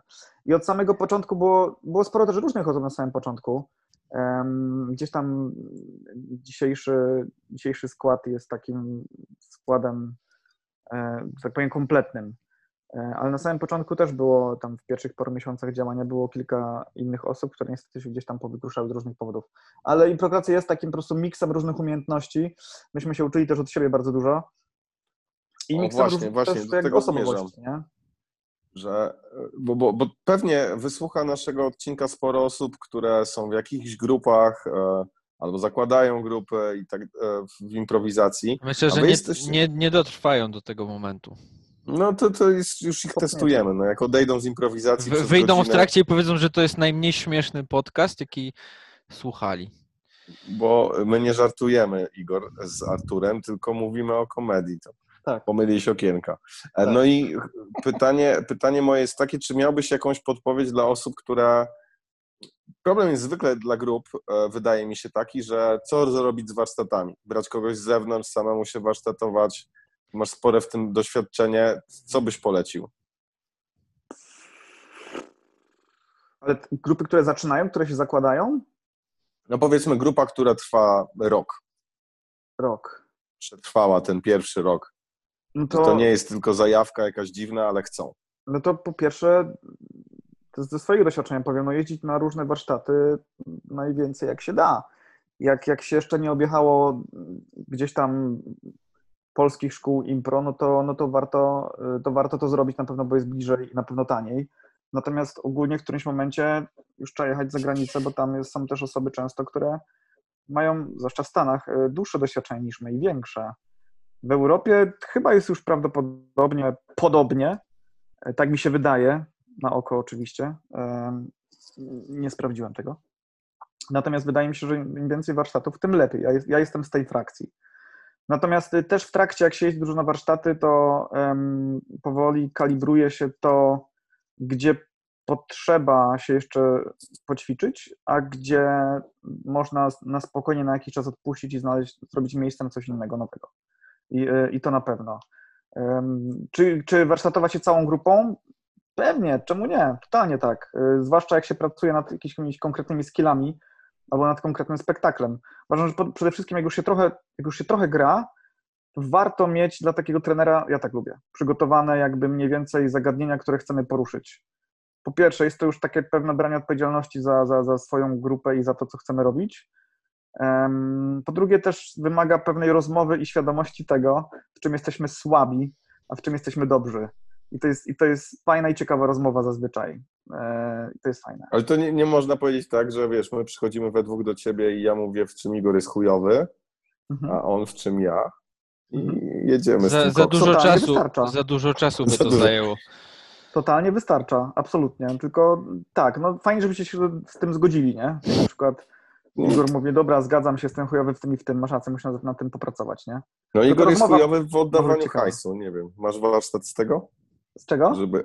No Igor nie oddaje hajsu. Slawik Party to jest Z tego warsztat. nie mam, z tego nie mam warsztat, ale być może Slawik Party ma z tego warsztaty. Pytam, bo, bo też jest, wy mówiłaś, że się warsztatowaliście wewnętrznie i my na przykład w 1000 den też to robimy. Ja Mhm. uważ, zauważyłem, że jest pewne ryzyko, e, bo, bo, bo zwykle się no, prowadząc warsztat jakoś się statusujesz, nie? Ktoś Tak. prowadzi, ktoś słucha i to, Tak. to jest lekkie ryzyko tutaj, trzeba do Mhm. tego dość dobrze podchodzić.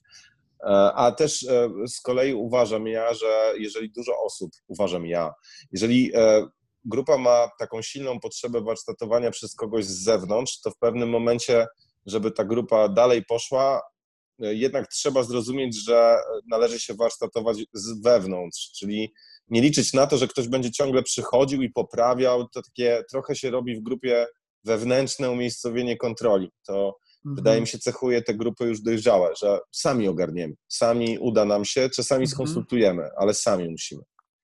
Kurde, wiesz co, to jest, to jest w ogóle ciekawe. Ja myślę, że, że, że dwie te opcje są spoko. Po pierwsze, na samym początku, jak na przykład my się sami warsztatowaliśmy, to też nie mieliśmy dookoła siebie, nie, wewnątrz siebie jakichś autorytetów. Po prostu było tak, że na przykład ktoś przygotował jakiś temat i na przykład y, robiliśmy ten, ten, ten warsztat, ktoś tam robił, nawet pożytkując się jakąś książką przy okazji i tak dalej. I to nie było łatwe. Część osób miała takie, że on pierdoli, bo skąd on to może wiedzieć. Yy, Część miała takie, że łykamy i tak dalej. I też były, też były kłótnie na ten temat. W sensie na przykład yy, ciężko było komuś uwierzyć, kto teoretycznie ma doświadczenia bardzo podobnie do nas. Yy, I, I pamiętam, że były tam jakieś scysy a propos tego i to, i to też nie było jakoś super przyjemne, ale wydaje mi się, że to były część jakiegoś tam procesu, żeby w końcu zacząć sobie tak ufać, że jeżeli na przykład ktoś przychodzi na próbę i coś przygotował, no to nie chce źle, kurwa, dla nas. Chce nas czegoś nauczyć. Nie, nie, nie wyczarował tych pierdół skądś tam, więc po prostu poświęćmy te trzy godziny, najwyżej się czegoś nie nauczymy. Wow, no świat się zawali. E, Dana osoba na pewno nie nauczy nas jakichś strasznych banialuk i pierdół. I to też trochę nam zajęło. E, Natomiast później to było fajne, że jak my zaczęliśmy jeździć, różne z nas osoby, to wtedy ktoś po prostu przywoził jakiś streszczo- streszczony warsztat skądś tam i wtedy jakby miał tą poprzeczkę wyżej, no bo on był na tym, to wie i przekazuje, nie? Ale to też wymagało zaufania dla tej osoby, nie? Więc ja myślę, że dużo jest tym zaufaniem i, i nieważne, czy jeździmy razem, czy tak, bo wiesz, zamawiając nawet trenera gdzieś tam z zewnątrz, em, możecie sobie przekminić, że ok, potrzebujemy tego, ale jak nie, nie ufacie sobie, to ktoś może stwierdzić, no nie, no ja tego kurwa nie potrzebuję, jestem zajebisty, co ty Łukasz pierdolisz, nie? Bo ci nie ufam, nie? I tak dalej. Więc, y, więc ja myślę, że z doświadczenia przeszliśmy różne te fazy i wydaje mi się, że każda była potrzebna. Mhm. Nawet te nieprzyjemne sytuacje, serio. Nawet te kwasiory i tak dalej, bo to po prostu powo- powodowało takie docieranie się. No No, ale to, to trochę to jest trochę tak, że, że albo się No. wtedy, wiesz, grupa rozpada, Tak. y, albo no przetrw, tak jak Łukasz Tak. mówisz, jak w związku, nie? Że albo, albo kurde, no po prostu dziękujemy sobie i elo, albo Tak. y, coś się zmienia, tak? Na, na lepsze na ogół. Ja uważam, że, że spoko jest rozwiązać grupę. Jeżeli na przykład y, więcej. Ale nie swoją. y, Nawet swoją. Y, Ja rozwiązałem tą jedną kiedyś, pierwszą. A jak się nazywała? Jeżeli, jeżeli więcej. Słucham? Jak się nazywała? Kwik. Wiesz co, to jest tak, że jeżeli na przykład więcej ta grupa przynosi tobie jako członkowi na przykład przykrości, po prostu się od niej idziesz sobie. Moim zdaniem to jest zdrowe. Nie ma co siedzieć na dupie i, i, i, i trzymać jakichś kurczowych rzeczy, dlatego że te rzeczy, które ci nie pasują, mogą ci przesłaniać twoją gdzieś tam twórczość i tak dalej i być może w tym czasie mógłbyś robić już lepsze rzeczy z innymi osobami, z którymi masz większą chemię. I to jest totalnie spoko. I każdy z tej, kurde, z tej strony powinien to taka- zrozumieć. Nie? trudna, trudna też decyzja. Ja miałem akurat Bardzo. taką sytuację kiedyś, że przez e, no, prawie trzy lata mieliśmy grupę, e, która, która gdzieś tam w pewnym momencie zauważyłem, no trzyma, trzyma mnie w miejscu i no, nie czułem się tam po prostu dobrze, jeżeli chodzi o powiedzmy relacje takie już e, z niektórymi osobami, nie? I, I chodziłem kilka miesięcy na próby, na, gdzieś tam się warsztatowaliśmy, właśnie braliśmy różnych trenerów. Mhm. Wszystko to fajnie funkcjonowało, niby tak y, na papierze, natomiast ja, wiesz, ja miałem takie poczucie, kurde, no jestem w tym dwa i pół roku, a co, miałbym teraz odejść i co mam zrobić? No bo to trochę nagle zostajesz osierocony. Więc przez kilka miesięcy chodziłem właśnie, wiesz, totalnie po prostu z takim, z taką myślą, kurde, co ja tu robię? Czy to to w ogóle nie jest moje miejsce? A ta tak naprawdę decyzja, zakomunikowanie tym ludziom, że słuchajcie, ja zdecydowałem się odejść, to było zajebiście trudne emocjonalnie doświadczenie. Tak, zgadzam się absolutnie. Takie poczucie- Dzięki Igor, Z jednej strony, wyjaśniłeś, co, co czuła moja była. z jednej strony, to już jest, wiesz co, Łukasz, mogę ci Żart. polecić dobrego terapeutę, e, ale, ale to jest też, widzę, że browarki wchodzą. E, Natomiast Wypiłem jednego browara, spokojnie, ale dobra, Ostat- sześć. Nie no, jedno. No wiesz, Artur, bo, bo to jest trudne właśnie, jak na przykład w grupie, tak. wiesz, ty chcesz do czegoś podejść na serio, jak ktoś sobie cały czas robi żarty i w pewnym momencie musisz powiedzieć, Łukasz, sorry, ale to już nie ma, nie ma przyszłości. Tak, no przede wszystkim najpierw powinny być jakieś rozmowy. To jest naturalne, że powie swój punkt widzenia, ale jak przez dłuższy czas ktoś ma to w dupie, no to po prostu no, to, to, to, to nie jest wasza chemia, wasze miejsce. Wiesz, y, na pewno to jest przykre, bo gdzieś tam się zainwestowało i relacje, i emocje, i czas, i tak dalej, i tak dalej. Natomiast y, ja uważam, że po prostu, kurde, jak coś ci nie sprawia przyjemności, a to ma sprawiać przyjemność. Improwizacja na tym polega, że jak nie masz tam w grupie paliwa, jeśli to sprawia przyjemność, to będziesz autentycznie gorszym improwizatorem na scenie. Tak w skali 1 do Mhm. 1, to się przekłada od razu. Masz No chujowy pokłócony w- nie, będziesz, będziesz unikał scen z tą osobą po pierwsze. Po drugie, jak wejdziesz, to kurwa będzie takie, wiesz, takie jak kraby dwa z daleka. I, i, i kurde, to, to nie jest zdrowe, to nie jest spoko. Dlatego wtedy najlepiej to uciąć, że nic nie da zrobić oczywiście i, i szukać sobie po prostu lepszej chemii z ludźmi, nie? I to jest mega spoko. Mhm. Uważam, że zgadzam się, jest to trudne, ale wydaje mi się, że jak ja to widzę, w większości przypadków z mojego doświadczenia i gdzieś tam obserwując środowisko u nas, to to wychodzi na lepsze. Chyba za każdym razem? Chyba? Nie jestem przekonany, ale z mojego doświadczenia, z mojej Na perspektywy. pewno uwalnia jakąś tam energię, która przez te negatywne emocje jest tłamszona, nie? Na Bo- pewno. Bo, bo to też nie ma, nie ma nie, tak jak mówisz, to ma być przyjemność fana, a nie No musi być. męczarnia, bo inaczej to, to nie ma sensu. No to, No, no to to- też mówimy o, o grupie versus projekt, nie? Projekt, które dużo projektów teraz powstaje, typu jest jakaś dla mnie czasowość tego, czy wiemy, Mhm. że i celowość. No, taki projekt powstaje po coś konkretnego, a grupa to jest jednak taki zlepek ludzi, którzy Mhm. tworzą zgraną ekipę i to kurde jest cholernie trudne w ogóle, żeby raczej powinno być wyjątkowo, że się udaje, tak mi się wydaje, niż e, wyjątkowo, że się rozpada.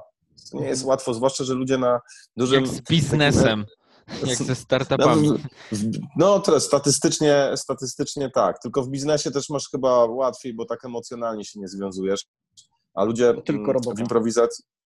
Jeszcze raz powiedz? to tylko praca, nie? Tak, dokładnie, to tylko praca, a tu jesteś zaangażowany, poza tym jesteś na takim entuzjazmie początkowym, poznałem zajebistych ludzi, oni też robią impro, wow, wszyscy się lubimy, oni są tacy tolerancyjni, mamy to samo i tak dalej, więc to po, potem dopiero weryfikacja jest, no, jest bolesna, tak jak, jak mówicie obaj.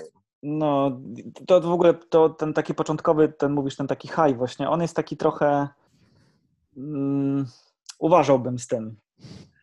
E, Jak w jest trochę związku, mylący tak? Już, już to padło ze związkami porównanie też w związku na początku jest hype, widzisz raczej e, zalety, które jeszcze dodatkowo podkoloryzowujesz, e, bo, bo działają w tobie jakieś tam hormony, e, no i potem dopiero jak, jak się pojawiają jakieś trudności, tak, to, to wychodzą Mhm, różne mhm, sytuacje i pewnie dlatego Łukasz, no twój związek już nie, nie ten, już go nie ma. Zależy, kiedy nadajemy te transmit. Ten, tak, nieważne. No nie. E, Ale to. Zależy kiedy to nagrywamy. Jeżeli Analo... I zależy o Tak. kim mówimy. No właśnie. He, he. Żart, jestem kurde samotny. No. Artur, bo tak y, mm, już powoli, powoli kończymy. Chyba, że chcesz kontynuować. To takie pytanie standardowe od nas na koniec, y, Mhm. bo już polecałeś trochę rzeczy, jeżeli chodzi o książki o Tak. impro. To masz takie jakieś inne rzeczy, które byś y, polecił, jeżeli chodzi, nie wiem, jakieś seriale, książki, filmy, coś, co warto twoim zdaniem Mhm. ogólnie obejrzeć. To nie musi być, wiesz, ubogacające w impro, ale tak ogólnie. Y, Wiesz co, na pewno z komediowych rzeczy to totalnie polecam Office, to już o tym mówiłem. To uważam, że, że, że serial jest po prostu genialny, w sensie serio, tak mówię Mhm. zupełnie serio. To jest genialny serial. E, Jest genialnie napisany, są genialnie skonstruowane postacie i cały jakby vibe, i cały ten styl, ten humor jest absolutnie na naj, najwyższym poziomie. Podobnie Mogę tu jak... dopytać, bo tu mówisz o amerykańskim czy brytyjskim? Ja jestem chyba tym wyjątkiem, bo ja uwielbiam obie wersje. Okej, no to rzeczywiście nie, rzadko spotykane. Tak. Ja, y, y, mój początek był taki, że najpierw oglądałem brytyjską Mhm. i byłem absolutnie obsrany. I później W sensie obejrzałem... pozytywnie obsrany. A pozytywnie obsrany, absolutnie. Obstrany ze szczęścia. Tak. I potem obejrzałem y, angielską, bo już nie było, y, w sensie y, Amerykańską. amerykańską, bo już nie było angielskiej. Y, I też byłem obsrany.